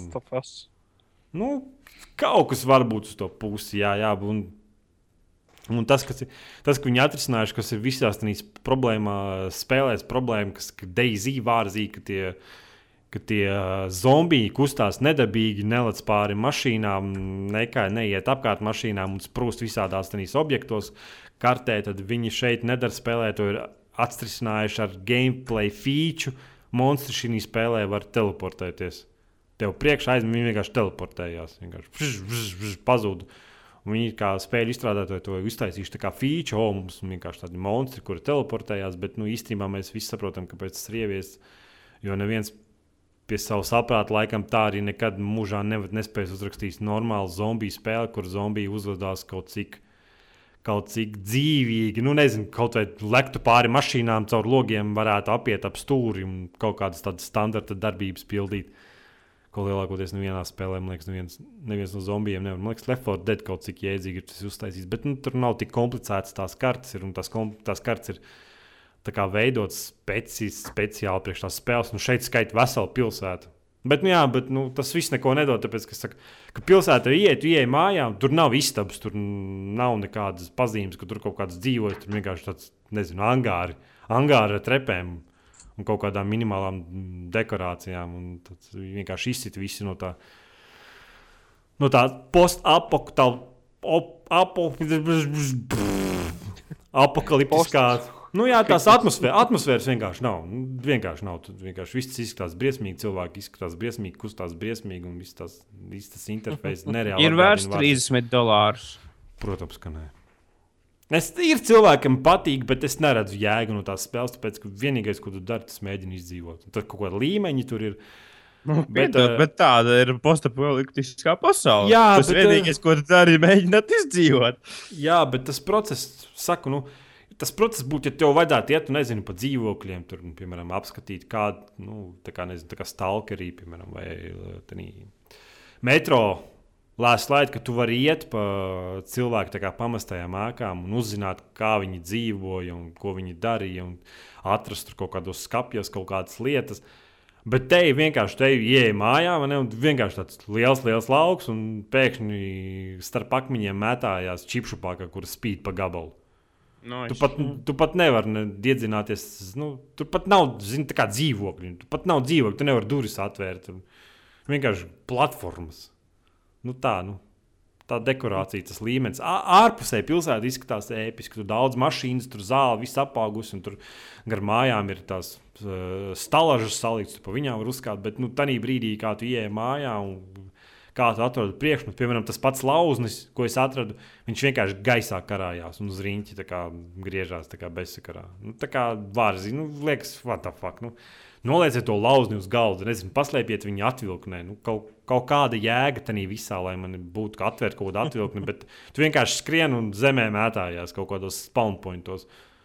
Un pats interesantākais, kas vairāk man izcīnīja no tā visa, tas bija nauda. Vienkārši tu ieskani mājā un jā, ķipa, money, big pile of money. Vienkārši pieskanē, e, paņem un what the fuck. Nu, kurš tā vienkārši nometīs? Nav? Nu, tad baigi izsit no tās atmosfēras ārā. Nu, kaut kā tā. Nu, jā. Nu, es tikai stundu paspēlēšu, Tādā- noteikti paspēlēšu vēl kaut kādas divas stundas. Tīri tāpēc, lai paspēlētu, un tad noteikti skatīšu kaut kādu video ieskatu, vienkārši kādā pusstundā tīri gameplay video ar komentāriem, lai varētu redzēt un saprast, par ko es runāju. Labi, Jaunzem! Jā, Evo, tu vēl teisi, vai tu raksti apskatu? Ignorēju. es esmu ko. šeit. Protams, es izspēlēju DR2, kuru es dabūju vienā bandlā. Un kad es biju nedaudz izcīnījies ar Windows Live, Pagaid, vai Games viņi nenoņem jau, vai tikai gada beigās ņems no uh, viņi ņems no tikai DR3. Nu jā, der divi Tā pārāk. viņš oficiāli apstiprināts, ka būs DR3. Es esmu par DR2, bet zinot, Codemasters, viss, kas ir iznācis pēc, pēc pirms jaunākās viņu un jaunākās un šaidīgākās viņa spēles, patiesībā tika aizmirsts tumšajos okeāna dzīvēs. Bet patiesībā, jā, DR2 es izmēģināju tā kā pirmkārt, tāpēc, ka es viņu dabūju ļoti lēti vienā bandlā. Otrkārt, tāpēc, ka es gribēju retrospektīvi salīdzināt, kas ir mainījies DR2 un DR3. Es atceros, ka es ļoti daudz spēlēju abas spēles, kad viņas bija savos kā jaunības gados. Un DR2, es pat teikšu, godīgi, man šī spēle daudz labāk patika. Vadāmība neskapēc, jo jutās tāda labāka. Nevis, nevis vienkāršāka, labāka, bet uh, challengeīgāka un tāda foršāka un atsaucīgāka. Tur bija jau dude, you gonna be next rockstar. bija, bet varēja atslēgt. Nopietni. Man tā kā besīk, ka tu pat tur arī trailerī bija jāsteigā. Ja, ja tu sāc spēlēt, tad tu pat trailerī. Tur bija traileri, un tur, tur bija jāklausās pa- pašā sākumā viss. Un ik pa brīdim kaut ko tur, tur, tur pateici. Bet, nu, to varēja tā kā. Nevis, ats, nē, nē, to, to varēja vienkārši neņemt galvā. Bet, uh, kas man nepatika, D2 bija tas, ka. Uh, Pirmajā reizē, kad viņi spēlēja, man ļoti nepatīk tas, ka mm, uh, tev tur runāja arī braukšanas laikā, kā kaut kāda blakus braucēji. Hey, you didn't pass me just like that, un tam līdzīgi. Bet to secināju, ka šoreiz var izslēgt to settingu paneli ārā, un, nu, un tad, tad, tad tagad daudz labāk ir. Uh, man vizuālais stils patīk labāk nekā D3, un arī mūzika jutās rallīgāk. Tur bija roks un tam līdzīgi. Nevis jaunākais dabas. Tur trīs bija diezgan iespaidīga mūzika, so shut the fuck up. Nē, tas Bija ne, viena- bija laba viena- mūzika, viens bet ne laba rallija. protams. Tāpēc tur jau nav rallija. Cik tu tur rallija ir? Nu, tas tāds rolling cross pasākums. Jā. Rallija maz. Gan Nu, vienā, gan otrā. Nu, man tas trases labāk patīk. Vienīgā trasa, kas man patika, D3 bija Somija. Bet šī te man patīk Horvātija, šī man patīk arī Kalifornijas. Kā, ah, nē, tur bija tikai rallija, piedodiet. Kalifornija man nepatīk. Man patīk, ka tā Horvātijas trasa, žēl, ka viņi nav portēti uz DR3. Bet, nu, fakts ir tāds, ka man nepatīk vispār kopējais virziens. Ah, un, jā, man nepatīk kopējais virziens, ar kuru Codemasters ņem viņu rallija franšīzi, vienalga, Nu, to jau kāds nosaukums būtu. Kāda starpība? Tur viņi neko, neko pēdējā spēlē, kas bija Dirt Showdown vienkārši. What? izgāstuve. What? What? Es viņu, viņu viņu paspēlēju kaut kādu, es nezinu, Es demo jā, paspēlēju. kādas 8 stundas laikam paspēlēju. Viss, nāfīgai, dirst. Taisnā virzienā. Jā, bet uh, fakts ir tas, ka es gaidu, kad viņi atnesīs atpakaļ normālu rallija spēli, uz kuras nav kauns likt Kolina Makreja vārdu. Starp citu, tad trešajā darbā vispār noņēma to Kolina Makreja vārdu, tāpēc, ka pilnīgi nokaunējās. Šī tāda spēlē Nevis no- nedrīkst nokau- likt. Nevis nokaunējās, bet ir uh, citi iemesli. Licences beidzās. Vai viņš nenomira? Bet vai vispār ir? Nu, tur jau tā lieta. Viņš taču nomira. Bet uh, neaizmirstiet to, ka D2 iznāca divus gadus pēc tam, kad viņš Dakarā, nevis Dakarā, bet ar hel helikopterā varēja. Nu, varbūt to spēli sāk bet es saprotu, viņa bija ies, iesākt. iesāktas. Jā, jā. Viņam nebija iespēja noslēgt Dirt 3 līgumu noteikti, nu, lai uzliktu viņa vārdu virsū. So. Nu, fakts ir tas, ka mm, Mm. Ar, jo tālāk, jo trakāk. Mm -hmm. Nē, nu, nu, skaidrs, ka viņi iet dīvainu virzienu, viņi jau ar gribu Vispār vai jau. otru kaut kādu dīvainu virzienu. Es nesaprotu. Rīts bija Es ok, ļoti gai- bija man ļoti nepatīk. Es Jau jau nerunāju. Otru otro gridu. paldies, Obama. Gribu- Vienkārši. Vienkārši paldies, Obama. Thanks, Obama. nu, jā.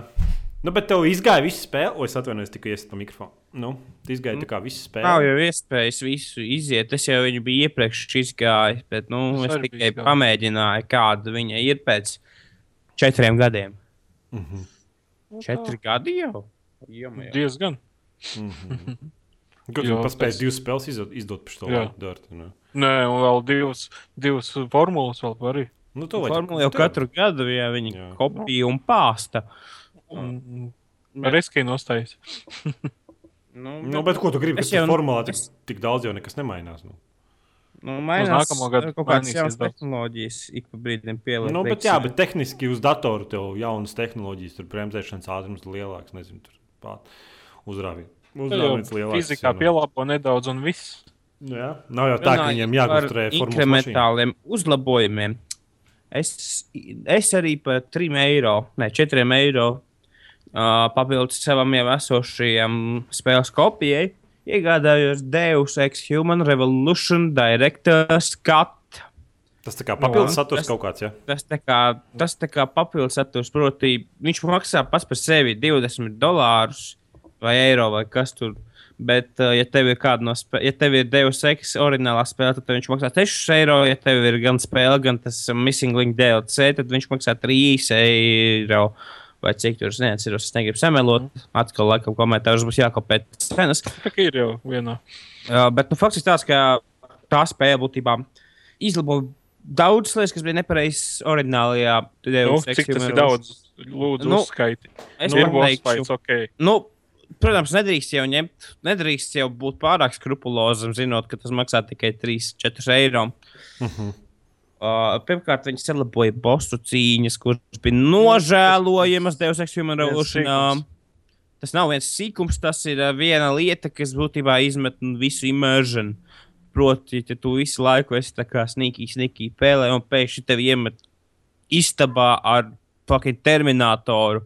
Un vienīgais, ko tu vari darīt, ir paņemt un izmest visu, kas tev tur bija iepriekš, un paņemt kaut kādus minīganus un tam līdzīgi. Tagad tu vienkārši vari paiet viņiem gariem, uzsākot kaut ko, ieslēgt kā turetes pret viņiem. Mm, nu, jā, esmu baretu, es vēl neesmu ticis līdz Lielenai un šitam namīram. Namīru visam citu varēju arī ar pie. Jā, es, es, es, kaut Tas ko, krieviem izklausās. es kaut ko demo vai ko es tur spēlēju, es neatceros. Vai uz Xbox? Es Bet, tiku, es tiku līdz pirmajai tai vietai, kur tev jāatmīnē mīna. Man pilnīgi nemazākās nojausmas bija, kas jādara. Visi nomira. Es trīs reizes pamēģināju, nospļāvos un teicu, ejiet, jūs. Ev, Bet tur bija kas, jā. Elvi. Jā, bet Nu, nu, Elvi. tas, ka, nu, ko tu gribēji? E, Tad, tad tikai viena lieta ir sanāk izlabot. Nē, nu, klausies! Nu. Tāpat arī tekstūru kvalitāte ir uzlabota. Vairs nav šīs konsolidācijas tekstūras. Nu. Manuprāt, ir daudz smukāk izskatās. Tāpat vēl ir. Man patīk tas, ka ir mazliet mazāk notūnēts tas dzeltenais filtrs. Uh, šādas atšķirības pamana cilvēki, kuri ir spēlējuši simtiem stundas tikai Deus Ex Human Revolution un paskatās, ah, šī tā ir atšķirība. Bet nu, tiem, kuri. Bet tiem, Varbūt kuri... monitoram spilgtums samainīja kaut ko. Jā, bet, ar šito, bet ar šo spēli, kā lai te pasakā, šī spēle nav tā kā šī spēle. Nē, bļaģi. Ļaujiet man Man liekas, tev mežģi mēlās. Skaitām šo spēli. Bežģi mēlās. Nu, Tā ir es iesaku pirkt uh, spēli šo tā vietā, lai pirktu oriģinālo Deus Ex Human Revolution, bet vai to vai šī ir labs pirkums tiem, kuri ir izspēlējuši dažas reizes oriģinālo spēli. Es nedomāju. Ja tu esi liels Deus Ex fans, tad jā. Bet, ja tu jau esi izspēlējis, nav pietiekami liels uzlabojums, lai liktu tev instalēt viņu vēlreiz. Runājot par instalāciju, 15 gigabaitu, what the fuck. Tad jau sanāk, ka e, Man- tāds nav. Pirmdienas spilvenā sanāk. Man patīk. Nē, man patīk tas, ka viņi ir integrējuši visā spēlē. Arī DLC, to missing link nav vairs, teiksim, jāpārtrauc spēlēt viena spēle, jāatver stīmā otra, šis DLC atsevišķi, jāizspēlē tas, un tad jāatgriežas pie oriģinālās spēles, kāds bija iepriekš. Tagad viņš visā vienā bundulī viss ir. Tāpat arī ir, um, es vēl neesmu viņu izmēģinājis, bet es zinu to, ka tur ir uh, uh, komentāri notes, tā kā kā pasaki, tā kā portālā, kā, kā Team Fortress 2 uh, developers komentāri. Komentāri. Man liekas, ka varētu būt interesanti, tā, kad es viņu izspēlēšu, tad es arī izspēlēšu ar komentāru tagad. Tā kā pa virsmu visai spēlē komentāri ir, ja var noklausīties. Tev tik daudz laika brīvā būs kaut ko darīt. Visu trīs reizes spēlēt vienu spēli, un tad trešreiz klausīties vēl pa vidu. Es originālo spēli spēlēju septiņas reizes. Nopietni! Laiks man nav Un problēma. Un nafik, tā bija lieliska spēle. Man liekas, ka tu kļūdos, bet nu, tā ir tava izvēle. Tu, a, ko Cilvēks- tu vispār runā? cilvēks Tu vispār nemācās. tik tālāk par pirmo līmeni nesticis tajā. Kā tu spēlē. varēji tur saprast, pieeja pie datora vai kas tur figūras bomba kaut kāda, man kaut kāda tur sešstūri parādās, kaut kādam līnijām. Es atceros, pilnīgi Nu, ja tu nekāds. Iebrauktu, tad viss būtu ok. Nu, bet es trīs reizes pamēģināju. Vismaz kaut kādu pamācību pa parādīšu. Tur kaut ko spaidu, nekas nenotiek. Sāc no sākuma. Kas tas Nu. bija par ar viču smiekliem? Jā, bet, nu, protams, ja tu būtu paskatījies, tad varbūt kādam no sargiem tu varētu no kabatas izvilkt arī paroli tam, tam, tam, tam, tam, tam šit. Kā tev nebūs? Jau durvis atvērt tāpatās. Nu, durvis atver pie pie bombas. Nu. Un Tur jāsāk kaut kas urķēt. Ir. Nu, Degunu. šī spēle nav tev, šī spēle ir inteliģentiem cilvēkiem. Un tu sevi sauc par inteliģentu Nē, cilvēku? Nē, Jautājums. Ā, Tad, tad nav inteliģentiem cilvēkiem. Nē, nu, tas jau kā tas kuram bija, patīk. tas bija sarkasms. Mēs, mēs tagad apmainojamies. Es parodēju cilvēku, Tu man kur bloku uzskat- vienkārši nosauc. Es parodēju cilvēks, kur uzskata, ka klausās radiohead ir baigi inteliģenti cilvēki, kuri ej uz kafīnu un arī baigi inteliģenti cilvēki. Visiem viņiem vajadzēs beachslapu. Visiem tiem, kas klausās radiohead. Nu, tā vienkārši. Pš, vienreiz. No Kāpēc? sirds. Tāpat vien. Ot vienkārši tāpat vien. Ot, ot vienkārši Nē, tu tāpat vien. klausies, Tam nevajag iemeslu. Tu klausies Eiropas hit radio, tu neesi tik inteliģents kā es radiohead Kurš cienītājs. klausās Eiropas hit radio? Tas jau ir hipsteru rādio. Kurš to Nē, Hipsteru radio ir radio 101 nelaiķi tagad. À, viņi tā kā internetā vēl kaut ko tur mahājas. Ir uh, radio 5, kas būs hipsterīgs. Radio 5. Tas nav tas pats radio Jā. 1. Nē. Nē, viņi vienkārši izdalīja naudu, ir augšā radio 5. Būs grēviņš un viss pārējie hipsteri. Tur. nu, tas jau ir tas pats radio 101. Nu, Kaut kādi idioti nopērk. Capital FM to staciju, vai ne? Un uztais savu radiostaciju, kur neviens neklausās. Un beigās aizklapē, un paši vairs nezina, ko darīt, jo naudas nav.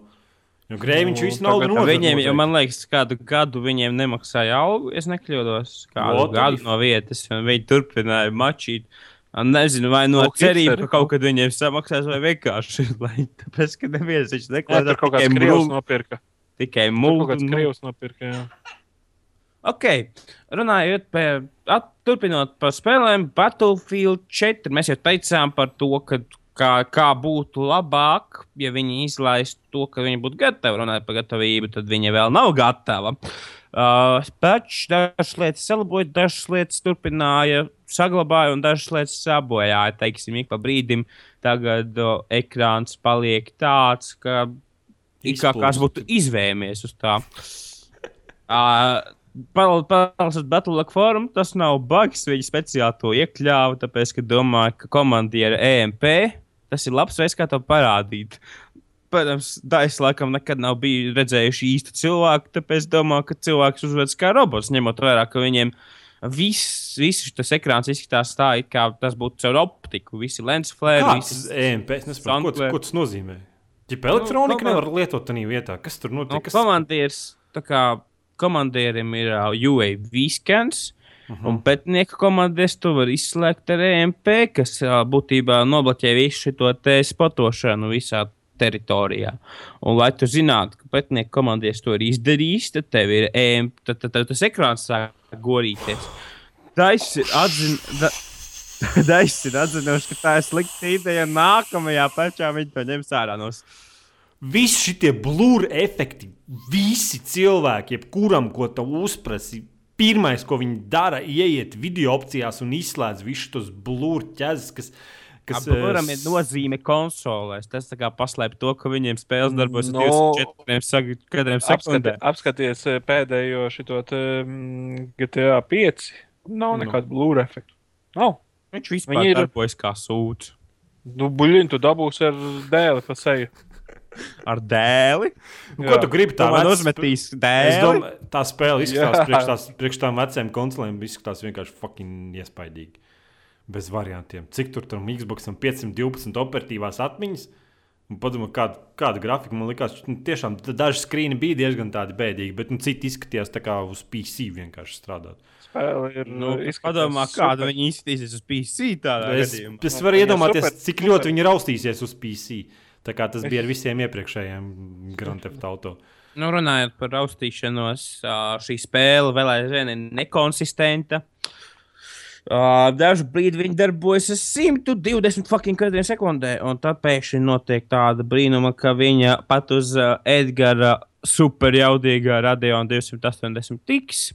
Arī pēkšņi nometās uz 40 kadriem sekundē. Ne, ne vienalga kāda settinga, low, medium, high vai ultra.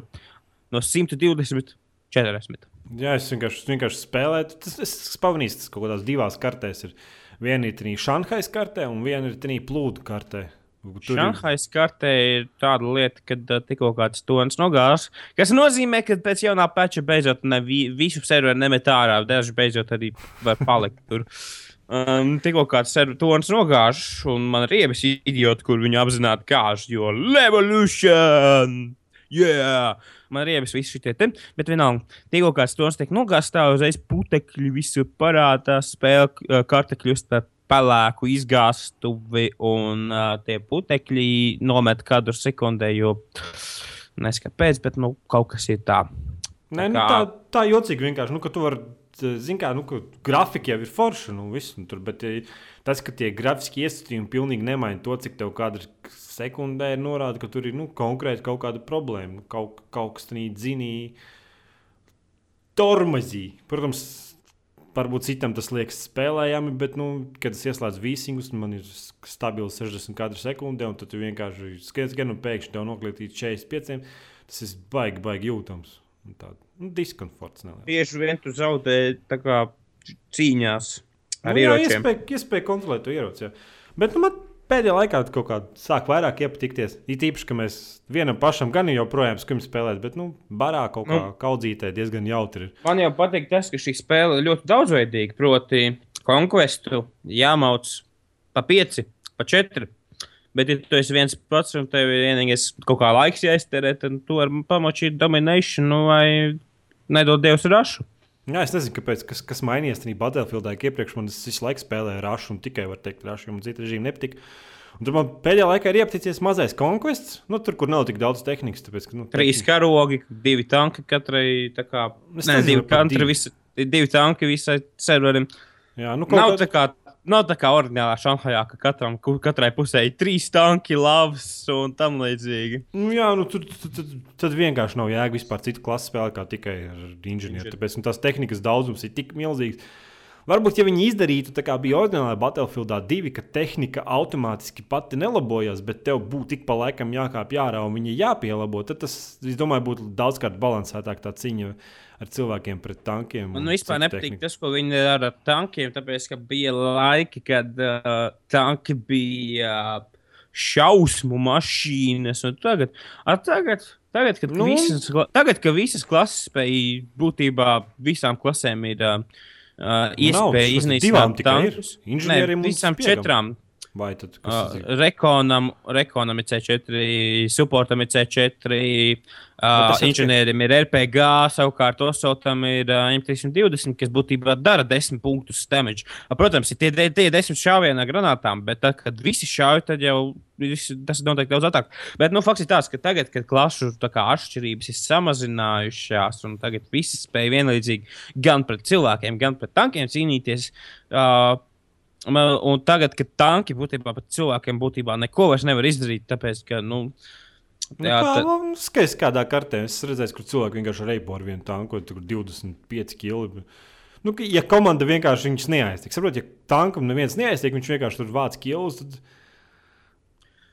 nu, es nezinu, tas atkarīgs no spēlētājiem, nu, liekas, bet, nu, tieši konkrēti. būtībā tagad ar, vien, ar katru spēli Battlefield tie tanki kļūst vājāki un cilvēki kļūst stiprāki. Uh, man, agrāk, man patika agrāk, tad, kad tev vajadzēja būt komandai, lai nonestu tanku. Tagad tanks ir tikai neliela tā kā, sare, ne, ne, neliela tā kā nērtība. Agrāk tas bija baisuma maš- mašīna, tagad neliela nērtība. Runājot par klašu balansu, klases ir pilnībā vienādas. Man atšķiras tikai dažas sīkas detaļas, bet visas klases nav atšķirības, kādas spēlē. Tā kā Nu, man kaut agrāk- kāds Granāts pat- vienam ir vairāk, ne, un vienam ir aptiecīgs, ne, un vienam ir patika RPG. laiki, ka Battlefield 2 tev tur bija septiņas klases, un katrai bija sava loma. Tagad visas bija. Jā, bija, man liekas, es esmu aizsmeļs atcerēties. Bija Osvalds ar uh, Nūptu, bija mediķis ar uh, medpaku un defibrilatoriem, inženieris, proti, tas, kurš labo tankus, antitanks ar uh, SRAU launcheri. Tas ir četras klases sniperis. Tas jau sanāk, ka tas ir. RPG. Ah, jā, Uh, pareizi, sniperis, spekops. Uh, snipers snipoja, bet spekops bija tikai tagad rekons ar C4, kuri tā kā iznīcina komandieru esetus, proti, uh, artilēriju un tam līdzīgi, nu, kuri iet aiz līnijām. Viņām bija karbīns un tam līdzīgi. Un tad vēl bija supports ar LM LMG un uh, ammo pakām. Tā kā tad bija daudz balansētāk un uh, komandas tā kā biedrīgāk. Tagad inženieris gan var iznīcināt, gan labot. Nav vairs interesanti.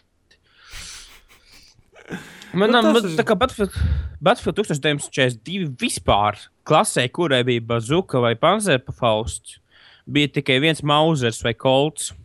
Nebija nekāda karbīna, nebija nekāda shotgun, nekas vienkārši. Es kur, ja tu gribi, ja tu gribi iznīcināt tankus, tad tev nāksies samierināties ar to, ka uh, jebkurš cilvēks ar šauteni tev varēs iznest vienkārši pa durvīm ārā. Rokās pār plecu pārpatu. Apmēram tādi. ja. Nezinu, man, man tās man pāris kartes ir iepatikājušās nereāli. Viena ir tā, ka ziemas kartes zem tuneļos, kur tas ir, kur tas cietums, ja, vai kas tāds - Operation Clusterfuck. Clusterfuck, jā, nu varētu tā būt. Kur, kur tās Metro sienas, jā. 2013. Nu, jā, jā, jā, varētu arī tā teikt. Nav tā kā metro, tur par garmalām var Tur var apiet. un- apiet garām un Jā, un tad visu. tas- tā tank- vi, tad tos visus, kur tu drūzmēs pie durvīm ar karbīnu, paņemt visus pakluso un Nē, bet tur iznīcināt. interesanti. Tur tie tuneļi pa augšu, pa apakšu, kur pa sānos, tur trepes ir. un tad Pa vidu kartē ir tas, tas sarpostenis, un no ārā var pa sniegu tur iztaigāt. un Tuneļi ir. Jā, bet Tāds man diezgan- liekas, ka tagad visas kartes ir pilnībā vienādas. Nē, Atšķiras, nav. ne, atšķiras Tūkstoš. Tikai vizuāli, bet kartes pašas ir vienādas. Ir trīs. Desmit gadiem ir tikai trīs dizaini. Ir līnija, proti, zavods, proti, tu- cietums, proti, kas tur vēl. Uh, tad ir romba forma, kas ir uh, golmuts, kas ir uh, vēl viena karte, man liekas, Hainants. Un tad ir pakaus, kas ir uh, Šanhai, kas ir Lankangdams. Nu, būtībā. Visas Nu, jā, tās, tās pakaupu kartes ir visdrausmīgākās pēc manām domām. Man arī man pietrūkst asimetriskas kartes, proti, konkursa so, teiksim, kārkanda, teiksim, kas tur vēl bija, fušē pāsu. Nu, kas bija vainas? Teiksim, tagad visiem jau ir bolāts, viņiem ir kaut kas, un mums nav. Vecīt, tev jācīnās par to. Ne, ne, Iedomājieties, Zolos viņiem, man viņiem, nereāli patīk. Nu, tā karte, man liekas, tā ir viena no labākajām kartēm, kādas jebkad ir bijusi. Nu, tā te, tehniski viss izpildījums ir interesants, ir izdomāts. Nu, kad, kad tur gan pa augšu tām mājām, pa vidu tām mājām, tas zem tām mājām, kā vidu kartē.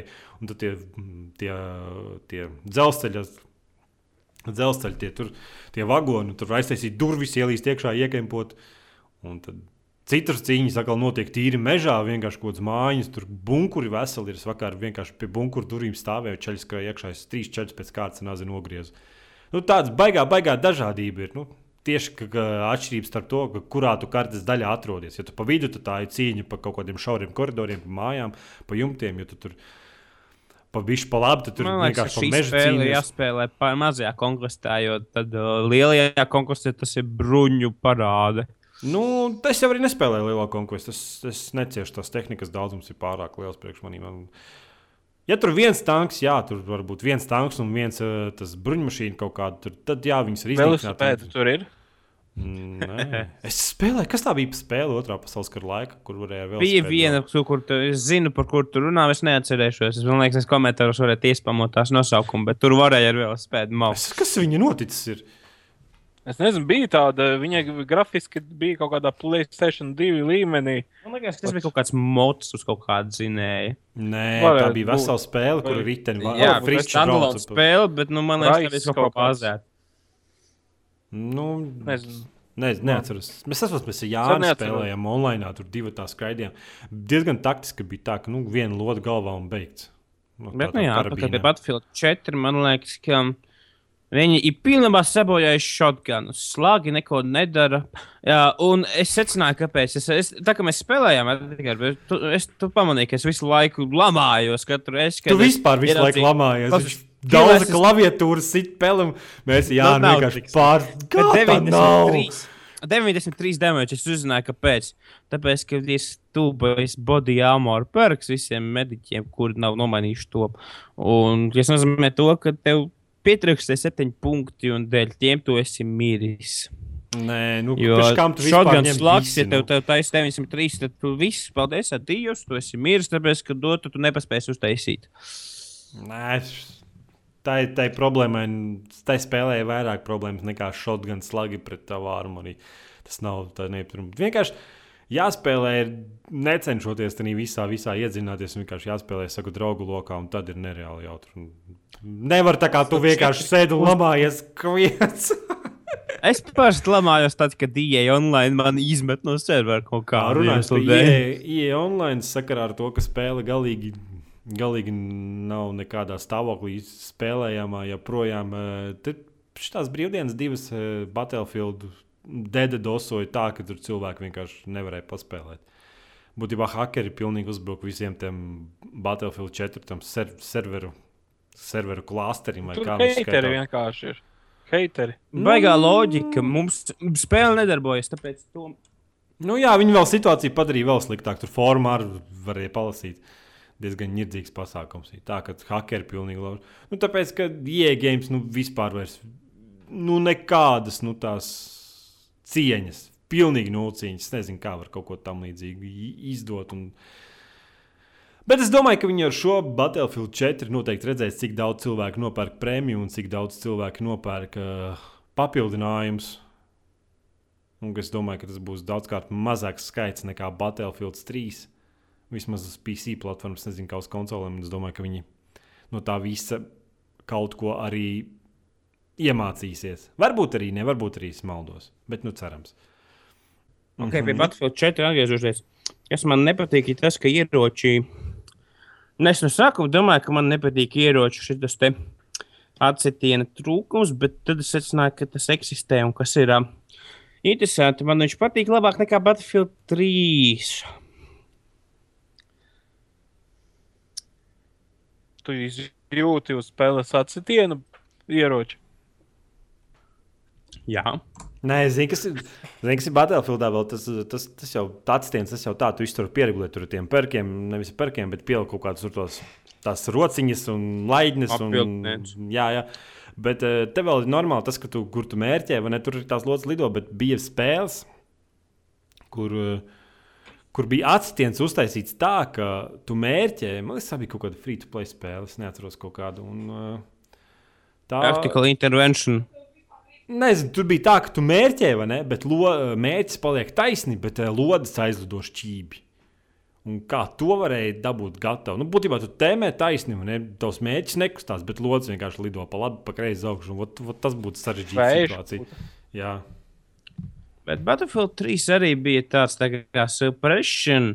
Arī šeit tas ir, bet mazliet mazāk izteikts. Kā, kurš ne tikai aizsmērēja tavu ekrānu ar visādām miglu, mm. bet arī ar to, ka viņi tev sāka lodes lidot tur, kur tu netēmēji. un Tas vispār bija pilnīgs nonsens.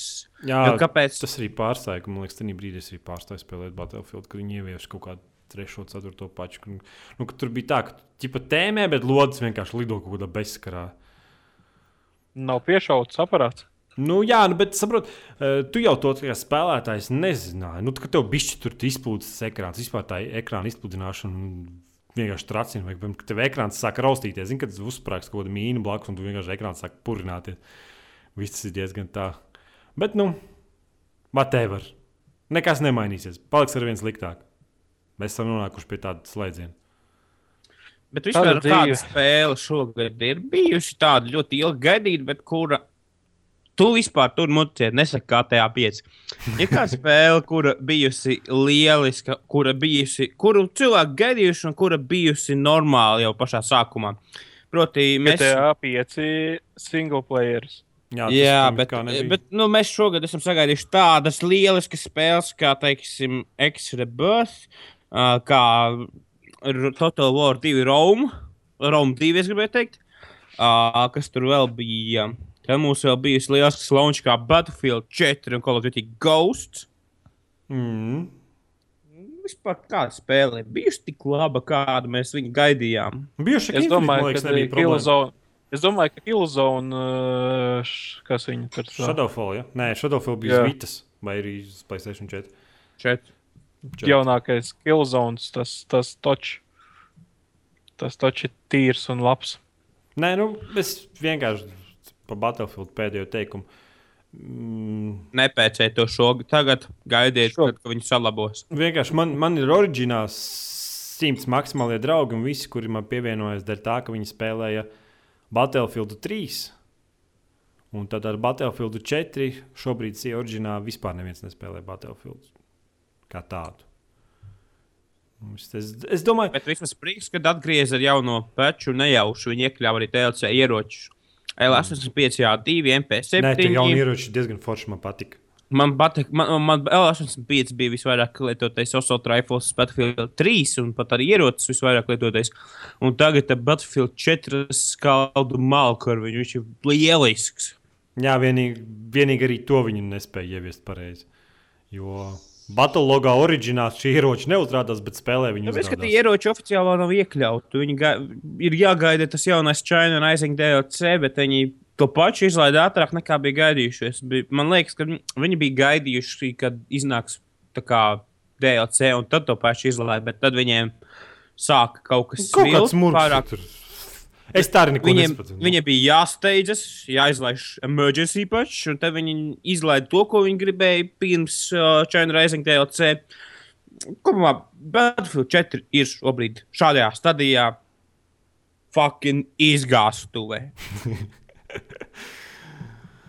Ai, Nav, kāds vēl tā labi-? Nezinu, labu, ar draugiem var spēlēt. Nu. Uh, Runājot par tas labām spēlēm, Last of Us vēl ir labs, kas iznāca tādu, kā gaidīja, un viņš nav sliktāks par to, kā gaidīja. Man vēl patīk Metro Last Light. Mm -hmm. Nu, ok, jā. Es viņu gaidīju, es viņu sagaidīju. Tagad kaut kāds DLC papildinājums iznāca. Ne arī kaut kāds direktors skatu vai kaut kāds tur vēl.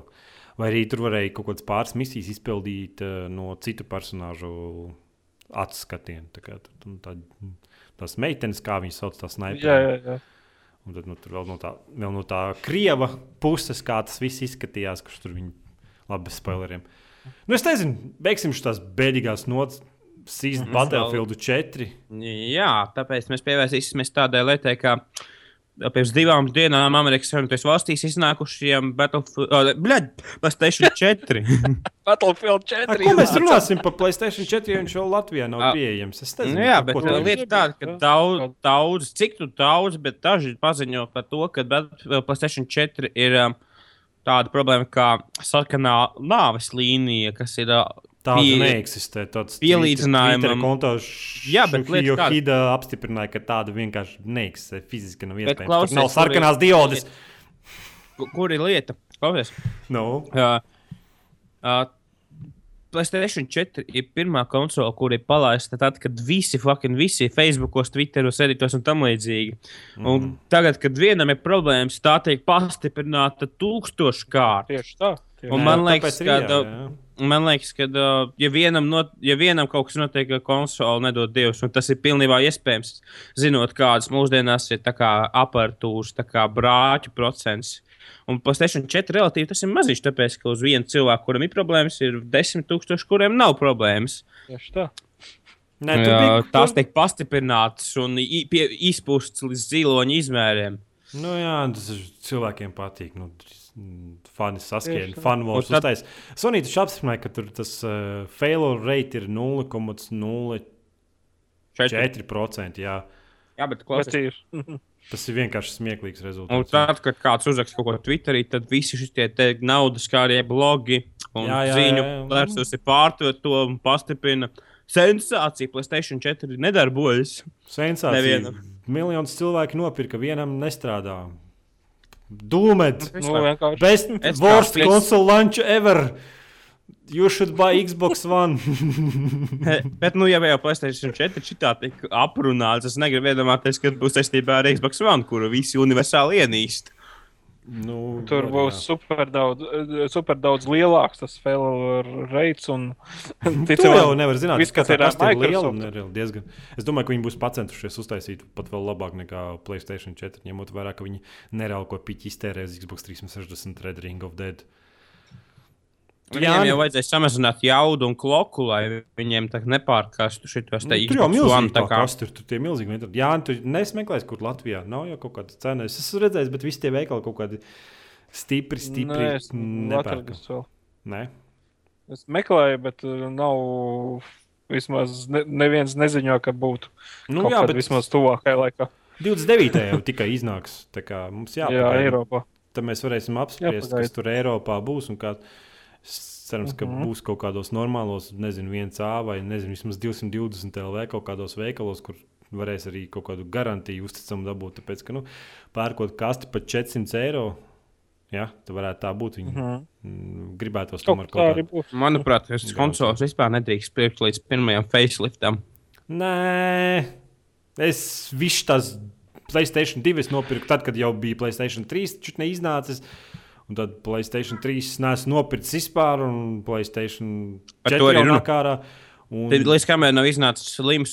bet tas atrisināts viss oriģinālās- pašās spēlēs, nu nevienu no Charted spēlēs, neesmu spēlējis Last of Us, neesmu spēlējis jaunos Killzones, es neesmu spēlējis Heavy Rain, neesmu spēlējis Beyond.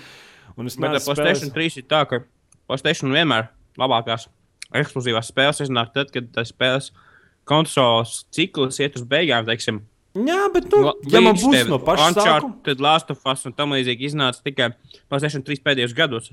Pašos sākumā jau bija joks, ka PlayStation 3 vispār nav spēļu. Nu, tagad arī tāda lieta, ka Xbox One launch day tīkli ir daudz stiprāki, spēcīgāki nekā PlayStation 4. nu, par PS4 to tikai knaka un šis te um, killzones un vispārēji ir pārcelt vai vispār nav ekskluzīvi. Savukārt Xbox One, es, ja es pirktu konsoli, kas ir uh, nenotiks nekad. Uh, ja, ja, es- ja man būtu jāpērk kāda konsole, es ņemtu Xbox One, tāpēc, ka viņiem ir Forza, viņiem ir um, Titanfall, kas arī būs uz PC. Tas ir tikai martā kaut kādā sasodītā tur beigās. Jā, bet nu, Oi, atvainojiet, Būs un čārtes jau apstiprināts uz jauno konsoli. Šitais te Metal Gear Solid, tas jau laikam būs uz abām konsolēm, Jā, bet jā, es jā, redzēju jā, 12 jā, minūšu video. 12 minūšu video, sapratu, nu, jā, jaunās konsoles vienkārši sitīs ko, eh, PC masterēs pa bumbām un stipri. Nopietni? tu Tieši tādu tiešām domā? un Tu esi redzējis, kā darbojas Forza Motor- Motorsports 5? Fucking izgāzt to! Kur ir tekstūras, kur ir zāle? Metal Gear Solid iet runa. Metal Gear Solid izstāsta diezgan iespaidīgi. Jā. Jā, Zini, kāpēc? iespaidīgi. Tāpēc, ka Metal Gear Solid būs uz PC. Nebūs. Arī. Nebūs. Viens būs, viens nebūs. Nu, Es nezinu. vienkārši- Es nezinu, tas oficiālajā presrelīzes klasī tur nebija tik pieminēts Windows platforma vai Steam platforma vienalga. Bet es, es gribu. Es gribu Placēta 4, es gribu Placēta Plus pieslēgt, es gribu visas krūtās bezmaksas indijas spēles spēlēt par 5 dolāru mēnesī. Un fucking es varēšu streamot, mm, visādas citas lietas darīt, un es gribu vienreiz nopirkt tādas spēles, ielikt disku, un pat varbūt ne disku, digitālo versiju ielikt iekšā. Un, lai man nav jāuztraucas par to, ka man sasodītais kompis nevalk, un kāpēc man te kāda ir sekundē maz, un kāpēc Ar nopirkt- 280 visu velk. Jā, izņemot Battlefield 4. Tāpēc, ka Battlefield 4 Nu, nevelk. bet, whatever. Killzones izskatās sasodīt, man liekas, labāks par Battlefield 4. Tieši tā. Battlefield sliktāks 4 par izskatās. Crisis, kas bija 2007. gada spēle. Kā, kas, kurš teica, ka Kraisis izskatās labi? Kurš muļķis tas bija? Kas tur Es. viņam ir? Kas tur viņam, kas tur labs zaļa zāle, kaut kādi meži vispār izskatās pēc izskatās. Nu, labāk, zini, kāpēc? Tāpēc, ka tagad mūsdienās spēle labi izskatās, nozīmē to, ka tev visur spūdzītes, blūrus un tam līdzīgi spīdina acīs, visādi lensflēri, JJ Abrams un tam līdzīgi. Tev viss spīdina acīs un tā, ka Nē, viņai jāizskatās baudām. Ir. Es gribu tā kā Battlefield, es ieslēdzu Battlefield uz High Sectingiem, un viņš izskatās fucking baudāms. Es ieslēdzu Battlefield, ne, Crisis uz trīs uz High tiem settingiem. Un viņš izskatās pēc zaļas zāles ar kaut kādiem kubikiem. Un es te nesaprotu, kāpēc visi vispār saka, ka tas izskatās kaut cik jēdzīgi un pieņemami. Just fucking. Ne... Vispār Crisis spēles ir mēsli pēdējie. Kāds ir izgājis? Crisis. Es, treš... es trešo Crisis streamoju. es esmu liels, esmu liels šitās sērijas cienītājs. Nu, es viss, ko pirmo- laikam- pierakstīts. Es pirmo laikam, nezinu, vai es izgāju, pat neatceros, bet nu, trešais vienkārši live streamā, kā mēs čaļiem tur runājam, niedzām, es tur kaut kāds aļņus kaut kādus tur ķēru un niedzīgi, bet es vienkārši pēc stundas izslēdzu ārā. Tas bija lielākais mēsls vispār, ko es esmu jebkad spēlējis. Tik garlaicīgas spēles nebija redzējis vienkārši. Vienkārši fuck off ar savu superkrūto zini, uz kura vēl joprojām nav nevienas kaut cik jēdzīgas spēles uztaisītas. Nu, Star Citizen. kad tas būs? Viņi ir izdoti. 2015. O, nu super. Un 2015. varbūt arī parunāsim par to, vai Kraisisam ir laba grafika vai nav. Bet pagaidām Battlefield 3 pat izskatās labāks par Kraisisu. Okay. Man liekas, ka tagad ir laiks pievērsties pie skatītāju, ne klausītāju jautājumiem. Nē, man vēl viena ziņa ir. Futbola Ah. menedžers uzrakstīja, Futbola menedžers 2013 tika nopirktizēts 10,1 miljonus reizes. Ok, lieliski. Varbūt, varbūt ja tu gribi ziņas iekļaut podkāstā, ierakstīt tās arī mūsu plānā. Nē, tas tikai viens tāds vienkārši. Futbola menedžers 2013. Es nezinu, kāpēc viņi vispār kāds spēlē, bet nu, es domāju, ka Nu, futbola Tāpēc, ka Tu redzēji, tu redzēji, kad eh, viņš eh, Steamā ir eh, viens no top gabaliem. Jā, jā, es zinu, bet eh, es vienkārši, nu, tik daudz futbola fani ir, kas grib kā menedžeri būt. Vai tā spēle Jā. ir tiešām tik liela, ka tev nav jāņem? Es tev iesaku izmēģināt. Nē, Cilvēki sliktas lietas arī teica par uh, Eiro truck simulētē un nesaka. simulētā, bet tagad, kad viņi paspēlēja, patiesībā 2 ir fun. fucking lieliska spēle. Jā, bet, Nu, bet futbols man nepatīk. Es domāju- 13. 13. ir, bet eh, es vēl neesmu sev piespiedis viņu pamēģināt. Nu, tur jābūt futbola fanam, bet tā kā pasaulē ir daudz, Jā, daudz futbola ņemot- fanu. Ņemot vērā, ka man ir FIFA menedžeri, visi, visus es esmu praktiski spēlējis, un man viņi visi ir nenormāli patikuši, tad šitas, es domāju, ka arī patiks 13. 14. FIFA, Es FIFA menedžeri super labi.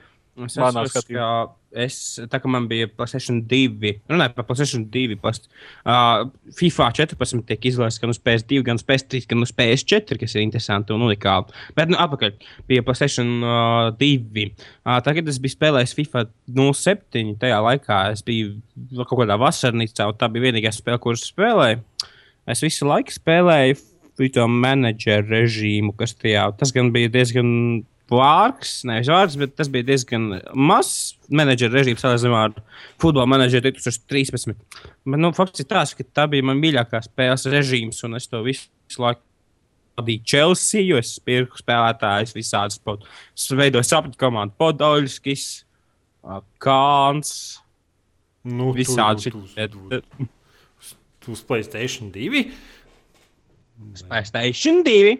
Vienīgā pēdējā futbola spēle, kuras tā aktīvi spēlēja, bija uz Segas. Un tai kārtridžai bija baterija. Nice. Un tad Ah, tu nu varēsi jā. saglabāt spēli. Labi. Sēgā! Labi, ejam pie klausītāju jautājumiem sarakstīt. eh? Drīkst, es, es, es lasīšu. Jā, jā. Pēdējais salnieks jautā, cik jābūt vidēji temperatūra procesoram, māksliniekam, video kartei un cietajam. Šos datus var uzzināt pie izstrādātājiem mājaslapā. Bet, nu, ja tev ir 30 grādi, ok, ja tev ir 150 grādi, tad es domāju, ka nav labi. Nē, nu, tas precīzais dati katrai procentam, katram māksliniekam, katrai video kartei un cietajam diskam atšķirās pēc izstrādātāju izveidotā, nezinu, tehniskiem parametriem. Noteikti var atrast, ja ļoti, ļoti, ļoti interesē. Bet, nu, būtībā, ja, ja uguns nedeg, nu, ja kafija to māma nenāk tavu Ja datoru. dators neizklausās pēc putekļu sūcēja, Tā viss ir ok. Jā, bet nu, īstenībā jau it, it kā pa laikam, jau pa laikam vajadzētu pārbaudīt visu to Nordbridge temperatūru, ja mācās platu visu atbalstu. Jo varbūt, ka tev kaut kāds nu, kūlerīts, tur nezinu, atnācis tur vaļā un tur dedzina tev mācās platē kaut kādu Nordbridge vai nav, kaut- kādu tur chipse- chipsetam, nezinu, tur kūleris. Termopasta ir mm, izžuvusi un vienkārši chipsets vienkārši 90 grādos nereāli visu laiku šancē. Tā kā, it kā var pastīties, bet nu, who cares? Ain't nobody got time for that. Vai ne? Okay. Jā. Un atgādāt, kādēļ tev visur niks vū? Kāpēc tā tāds ir un vai tu to pats izdomāji? Nu, kā pats izdomāji, tu zini, no kurienes nāk VU? Man tā liekas, no dubstep. Nē, No tas ir no... Bu- bu. Ai, jūs visi vispār neko no hip hopa nesaprotat. Bu- Vuk, kas viņš tur tāds bija? Nu, nu, Nu, neatceros. Nu. Wu-Tang klans. Wu-Tang Clan. Man bija, es, es biju kādreiz neliels hip hopa fans. Man bija platas bikses ka līdz ceļiem, man bija grūti paiet. Tad es laiku staigāju Un kapucī. Tev bija cepuri tāda, jā, tāda saprati. Nē, cepures gribu, man nebija, es gribu staigāt. Tad tu saprati, es gribu staigāt, un tāpēc novēlu. Tāpēc, tāpēc Uzvilka legingus. Man bija, Uzvilka legingus un tagad lakatiņš, staigā man bija lakatiņš tāds, zin, nu, tā kā apsienu, tāds trīsstūris Zilais? neliels ārā. Nu, nē, tā melnā krāsā. Jā, jā, jā, un tāds trīsstūris neliels ārā bija. Krūtis čeks bija, tu ko? Tur tas, nu, jūs paši saprotat. Es Nu, jā, jā, tas ir. To sejas atcerēties. un vispārējais. Jā, jā, tad, tad mēs repojām un visādas citas izdarības darījām. So, Kāds tev mīļākais repa, teiksim, tavs gabals, ko tu pirms gulētiešanas repoji vai kaut kā tam līdzīga? nu, tagad jau vairāk nav, man liekas, tie albumi Bet vai ir? kvalitīvāki. Tev- Es, es, es, es pat vairs neklausos īsti, tāpēc, ka nu, tas tā jau, jau kvalitāte ir stipri nokritusies. Nu, tīri tā. Little Wayne, nigga, rhymes with nigga. Es atceros, ka varēja klausīties vienu albumu, un tad tu klausies, un, ne, un, un tev katru nedēļu mainās tā albumā mīļākā dziesma. vienkārši. Nu, tā, tie albumi bija tik kvalitatīvi. Tur nezinu, tas uh, Slims Shady, tas uh, kā bija tas viņa populārākais albums. Ak, Dievs, kā es varu aizmirst.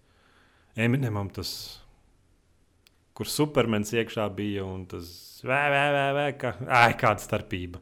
Nu, labi. Kā es varēju aizmirst? Ah, Eminem šovs. Nu, kā es varēju aizmirst Eminem, Eminem, Eminem šovs? Un tad bija um, Linkin Parkam bija tas uh, remix albums nereāli labs.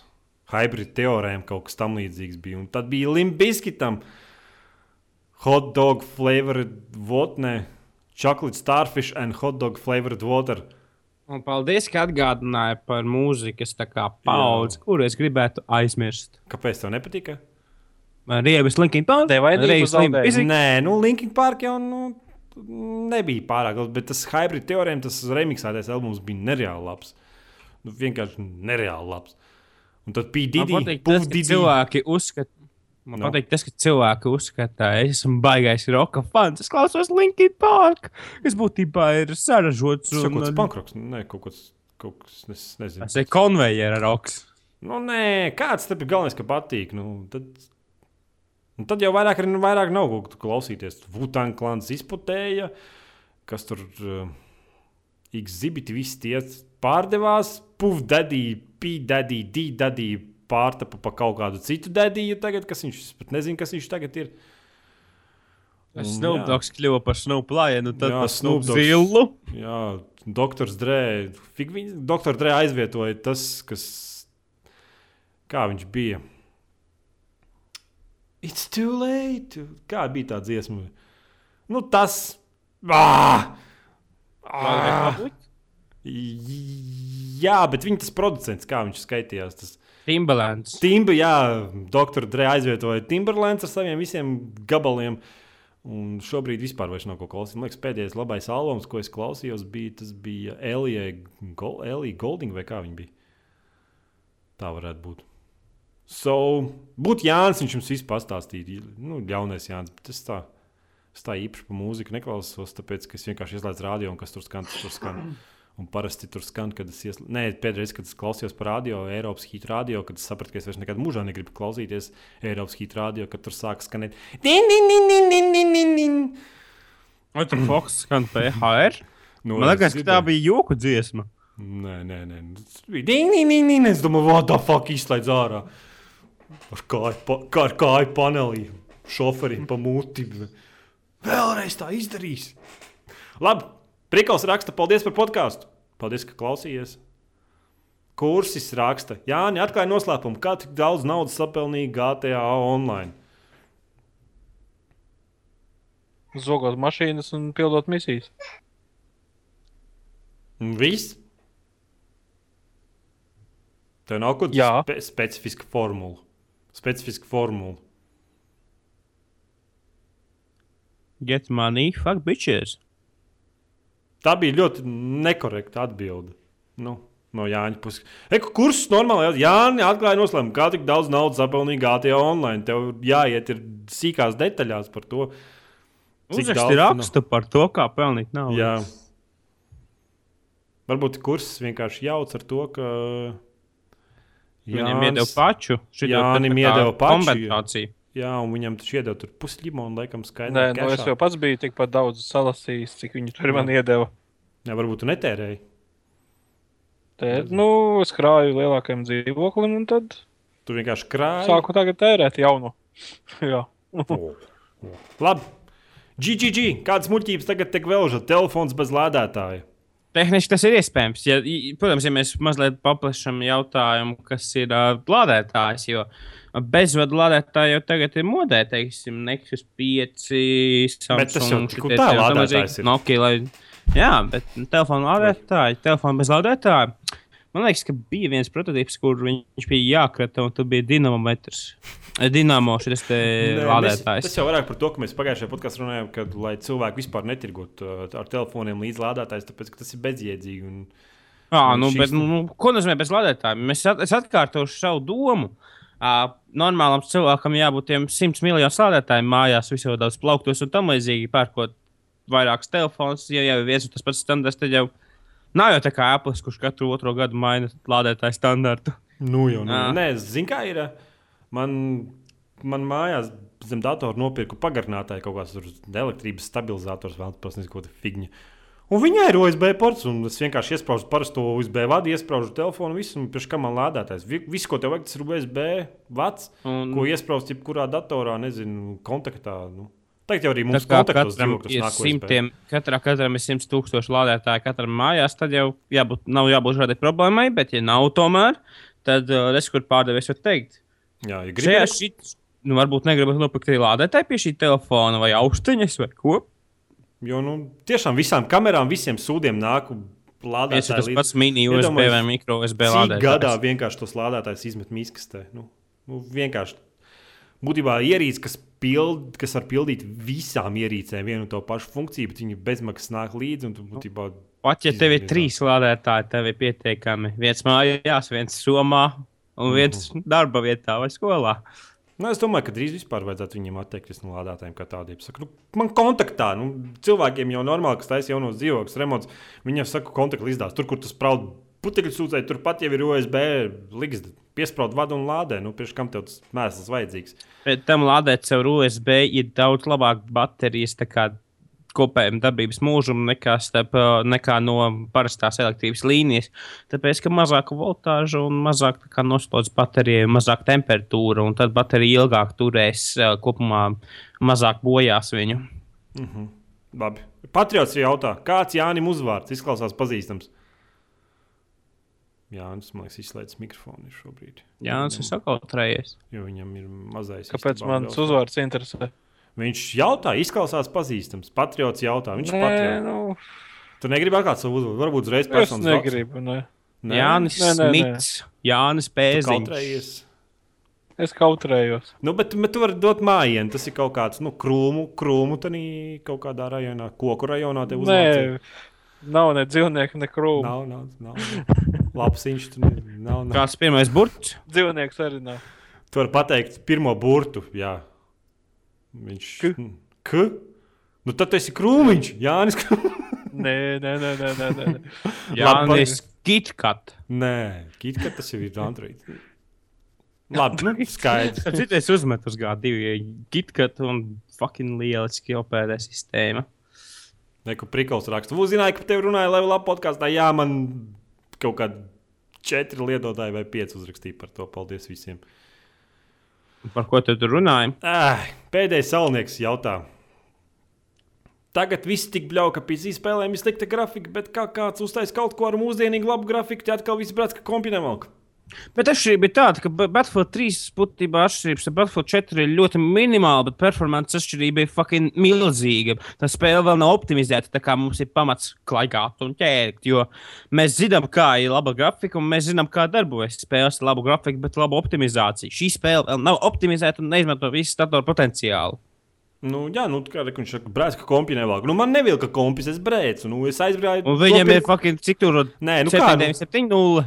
Es aizgāju nopirku uzreiz, sapratu, ka man nevilks. Es sapratu, ka bez variantiem es nopirku video karti un Nevēl. man joprojām nevalk. Nu, ko man vēl darīt? Es nezinu.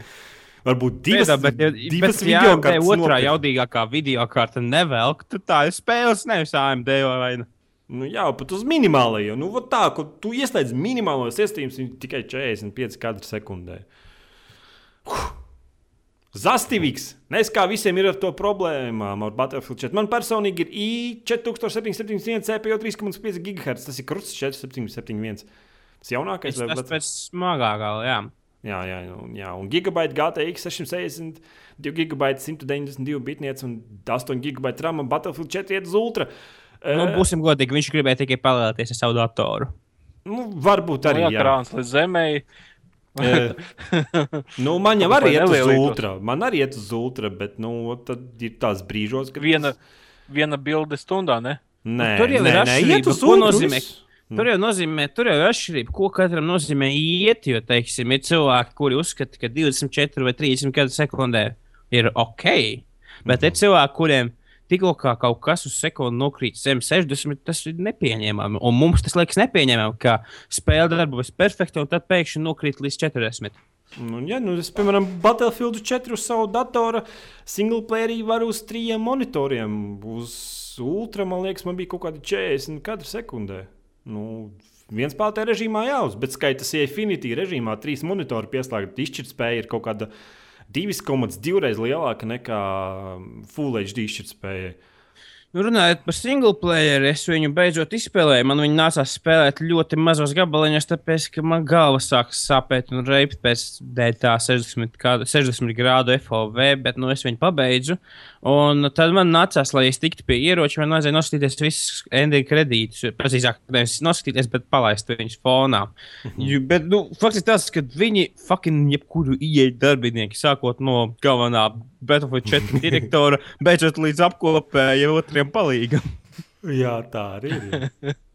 Un dārzniekam blakus kaimiņu mājā. Zastāvīgs turpina. Call of Duty Ghost runājot, kādas tekstūras es tur neko nepamanīju, vai arī kaut ko palaidu garām. Jā, nepamanīja tekstūras. Nebija. Nebija Nē, tur, es jau teicu, ka Call of Duty Ghost vajag specifiski iestatīt, kas ir galīgi nu, neizprotami. Kāpēc Man tā liekas, ir, ka lai tas- daži teica, ka viņiem tas iestatījums pazuda restartējot spēli. Un vajadzēja katru reizi viņu iestatīt to visu. Nu, jā, nu kaut, kaut kā tu viņu iestatīji, un tad nereāli asas tās tekstūras ir. Un kas vēl varētu būt, ka tev ir Nvidia karte, un man liekas, ka tas lasīja formā, kad ar Nvidia kartēm ar tur kaut kādas jocīgas problēmas bija. Tieši, jo tur, ja tur bija daudz tās Nvidia tehnoloģijas, kaut kādas ieliktas, nu, ka tur tie dūmi kustās, un tad kaut kāds TXAA un vēl kaut kas tāds - kaut kādas četri tur veidi, kas kā citām kartēm nedarbojās. Bet, nu, varētu būt, ka, ka puse no tā visa ir sačakarēts, un tāpēc arī tev tur īsti tur nekas nerādīja. Bet cerams, ka viņi sataisīs. Nu, redzēs. Piktā zemene, kāds pirks Playstation 4? Mēs jau draugiem jau protams. pirkt. Mēs jau, mēs jau Es viņu varēšu nopirkt, ka viņš maksās 50 latus lietots. Nu, tas Tu- ir pēc cik gadiem? galīgais. Tu zināji, ka PlayStation 4 ir divi procesori? Ko tas nozīmē? Ka ir viens Jā, processors atsevišķi priekš uh, lejuplādēm, uh, tās visas tās uh, spēļu nu, ierakstīšanas. Piedod, bet, nu, tas ir ļoti. Tas ir ļoti plašs jēdziens. Nē, tas tur ir vesels Android kaut kāds processors. Tur kaut kāds vesels Jo Android tehniski iPhone arī divi procesori. Jā, un eh, viens diezgan atšķirīgs ir tāds, ka viens ir darbojas īstenībā, otrs mēra kustības un tam līdzīgi. Bet Nav tāpēc jau iPhone nav ņemot, divi procesori. Divi, divi procesori ir PC ar diviem procesoriem. Dzirdi? Uh, Ar pirmo, pirmajam Placēšanam jau bija trīs. Pēc tam otrajam, cik tur es nezinu, tad trešajam ir laikam septiņi. Nē, tie ir kodoli. Bet te ir Nu, nu, kodoli. fiziski divi atsevišķi procesori. Viens Nu, nu, ir lielais, labi, tā kā priekš spēlēm, un viens ir Android kaut kāds tur. Vai tu zināji, ka oriģinālajā PS3 biezajā vesels divas konsoles bija iebūvētas? Viena PlayStation 3, otra PlayStation 2. Jā, jā. Nu, Nu, man, ir- man tāda zem galda stāv biezā vecā. Nē, tas varētu būt Forši. tas iemesls, kāpēc uz Xbox uh, One um, viņiem uh, tās spēles nav tādā Full HD šķirtspējā. Jo Placēšanam tam ir speciāli atveltīts uh, processors, un varētu būt tā, ka viņi negaidīja, ka tās ierakstīšanas iespējas no Sony būs, un Xbox viņi būtībā uzkrāja to pa virsmu, un tāpēc viņiem ir nepieciešami papildus resursi. Nu, uz Xbox One, jo viņiem tur nav otra procesora, kas ar to visu nodarbotos. Ar ierakstīšanu, un strīmošanu un visām tādām lietām. Un noteikti, ka Microsoft negribēja pateikt, ka mūsu konsolē nav ierakstīšanas iespējas, nav strīmošanas iespējas un citas lietas. Bet man liekas, ka šī konsoļu paudze ir baigi dramatiska. Un... Eh, Dramatiski ir tas, Twittera. Tam nav tas, tam ir šitais, tam nav tas. Pēkšņi 720p, 900p, 1080p, 600p. Jā. Mans par āvis. Es, man liekas, tas, es, es vispār domāju, nelasīt nu, visus tos ļaunos fórumus, ziņas un tam līdzīgi. Es vienkārši Nē, man ir gan lasi? Es ierakšos zemē, un tā, kad pirkšu, tad pirkšu, nedomājot neko. Es atceros, ka mēs Playstation 4 vēl nebija at- at- nu, atklāti. Mēs runājām par to, ka varētu būt 4K izšķirtspēja. Nā, jā, ar 720p tagad ir kompromiss. Tagad ir tā, ka nu, 720p un tur īsti n- pat varbūt nevelk. Es zinu, ka Dead Rising daudzām 3 vispār programmām. darbojas Jā. gan 720p un 30 kadru sekundē. Jā, jā. Un viņi mēs- izskatās nožēlojami. Un mēs runājam par to, ka varētu būt 4K. Nu, diezgan zems priekšstats. Varbūt tāpēc, ka PC at attīstījās pārāk ātri. Nu, tās jaunās video kartes ir fucking powerhouse. Nu, pēc priekš Battlefield 4 joprojām tas bijis. Labi, reku prikals pēdējo raksta. Vulu pasaki Jānim, ka viņš ir mans favorīts no jums trim. Jums, tā kā Jānis tev ir īsts fans. U, Vienīgais, ja? Es jūtos Pārējie vīlies. jums. Es jūtos vīlies. Nu, tev tagad jāiet eh, krāsot rozā nagi. Un, eh, jā, nezinu, Jārauc vēl tur jā. lūpas. Melni mati, čolku jā. Jā, jārauc stūrī un spilvena. Mhm, skaidrs. Ew, es aizmirsu pastāstīt. Es taču uzrakstīju Ubisoftam vēstuli, un viņi man noņēma banu tajā YouTube. So, fucking, cik es saprotu, tagad varu monetizēt spēļu video no Ubisoft jebkurus. Es varu rītīgo piķi pelnīt YouTube. Nu, no skatījumiem. Būs miljonārs. Nu, jā, Tagad būs konkurence PewDiePie. nu, stabili. Es noteikti saņemšos, un Es domāju, ka neuztaisīšu nevienu konkurence. video. Viņš tikai būs konkurence, varbūt tās tev tāds neliels. Viņš mēģinās konkurēt ar tevi. Nevis tu būsi viņam konkurence. Es nezinu, kāpēc. kāpēc. Labi, to kādā citā dienā parunāsim. Es te pamanīju, ka spokos ir spēļu sadaļā parādās visādi kādi šie PewDiePie un viss, kas tie tur sauc. Pēc Spēļas. īsta pokos. Let's... Ah, lai pamotu kārtējo ozē apskatu. Jā, tas ir tāds redz. Ka... Un vienkārši, mm, vienkārši pārēcos. Nu, nu čaļi, nu, nu, nu saņematies. Nu, man, man pat tāda sajūta, ka man vajadzētu varbūt uztaisīt video. Vismaz kaut kādiem pamatiem, kā kaut, kā, kaut kādu kvalitāti uzturēt. Nu, vienkārši man drausmas. Ah, tur jau bija, tur jau bija viens tā kā, viens tā kā Latvijas, kurš centās taisīt let's play angļu valodā. Nu, draugs. Ar kaut kādu poratu akcentu. Es vienkārši, nu, čaļi, nu, saņematies. Nu. Hello, um, welcome to Let's Play. Um, the, the, today we are going to play a game called Amnesia. Jūt, jau. Kaut kādā tādā, tādā Čaļi- virzienā. Čaļi saņematies, nu, kaut kādu, nu, es nezinu. Labi, nu, tad rakstiet jautājumus nākošais nedēļas podkāstam. Nu, paldies, ka izdzīvojāt šitās divas Mocības, stundas. Jā, jā mēs, mēs ar katru podkāstu mēģinām. Nē, man patīk, ka šī podkāstā viss lamājās, ka uh, pa maz joku bija iepriekšējā podkāstā. Un Tad es atceros, ka kaut kādus tur desmit podkāstus apakaļ, ka cilvēki lamājās par to, ka pa maz informācijas un ka pa daudz joku ir. Nu, manuprāt, vislabākais veids, kā vispār kaut ko palikt dzīvam un saprātīgam, ir uh, neklausīties kritikā. Zini, kāpēc? Tāpēc, ka, ja, ja, ja tu kaut ko greizi darītu, tad tevi neviens neklausītos. Bet tā kā cilvēki klausās, bet tad, tad, tad viņi saprot, ka tas, kaut, tad, tā, tas ko dara, ir labi. Un bieži vien viņu kritika, manuprāt, ir nepareiza un pat mm, varētu padarīt sliktāku. Tāpēc arī Total Biscuits, piemēru kaut kādu.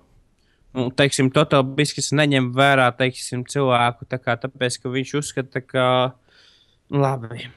ā, Ka viņš ne, neņem vērā šos cilvēku ieteikumus, un, ej, Total Biscuits negrib uzspēlēt šo spēli. Viņš neņem kritiku un viņš neņem piedāvājumus. Nu, nesapratu tev ideju. Nu, labi.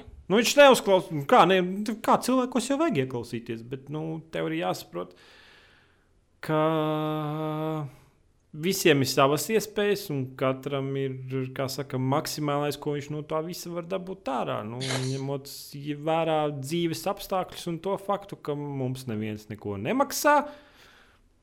Tāpēc mūsu podkāsts ir tik sūdīgs, cik viņš sūdīgs ir. Bet man jau viņš patīk. Es nezinu, es darbā klausos un ierēdzu. Tāds vispār narcisists klausās savu podkāstu.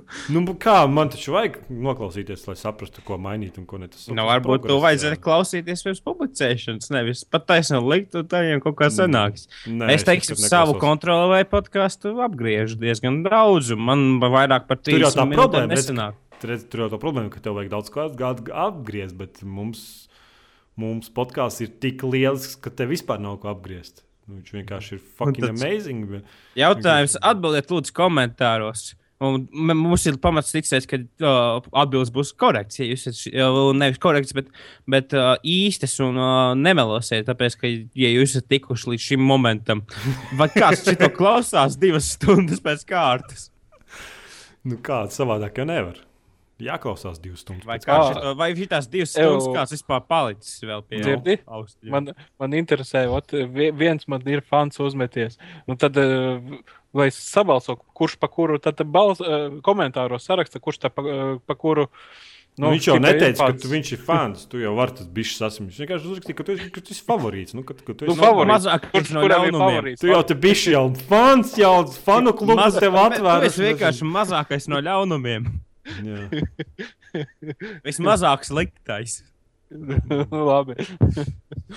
Mazāk sliktais. Mhm. Labi, tad beigsim. Viss. Nu, davai, Beidzam. beidzam. Labi. At tā visiem. Sayonara. Tev joku bija jāpasaka kaut ko kādu. Nu, pupi jau piekto reizi nebūs. Tas vairs nav joks. Tev... Es... Labi, es tavā vietā. Kā tur bija? Tur, tas... Mataini pupi. Nu, tu jau visu depresijā dzēni iekšā. Tev vajadzēja šito te skārienu jūtīgā virsma, kā bija. glāstu virsma. Glā, glā, Maigi virsma. glāst virsma.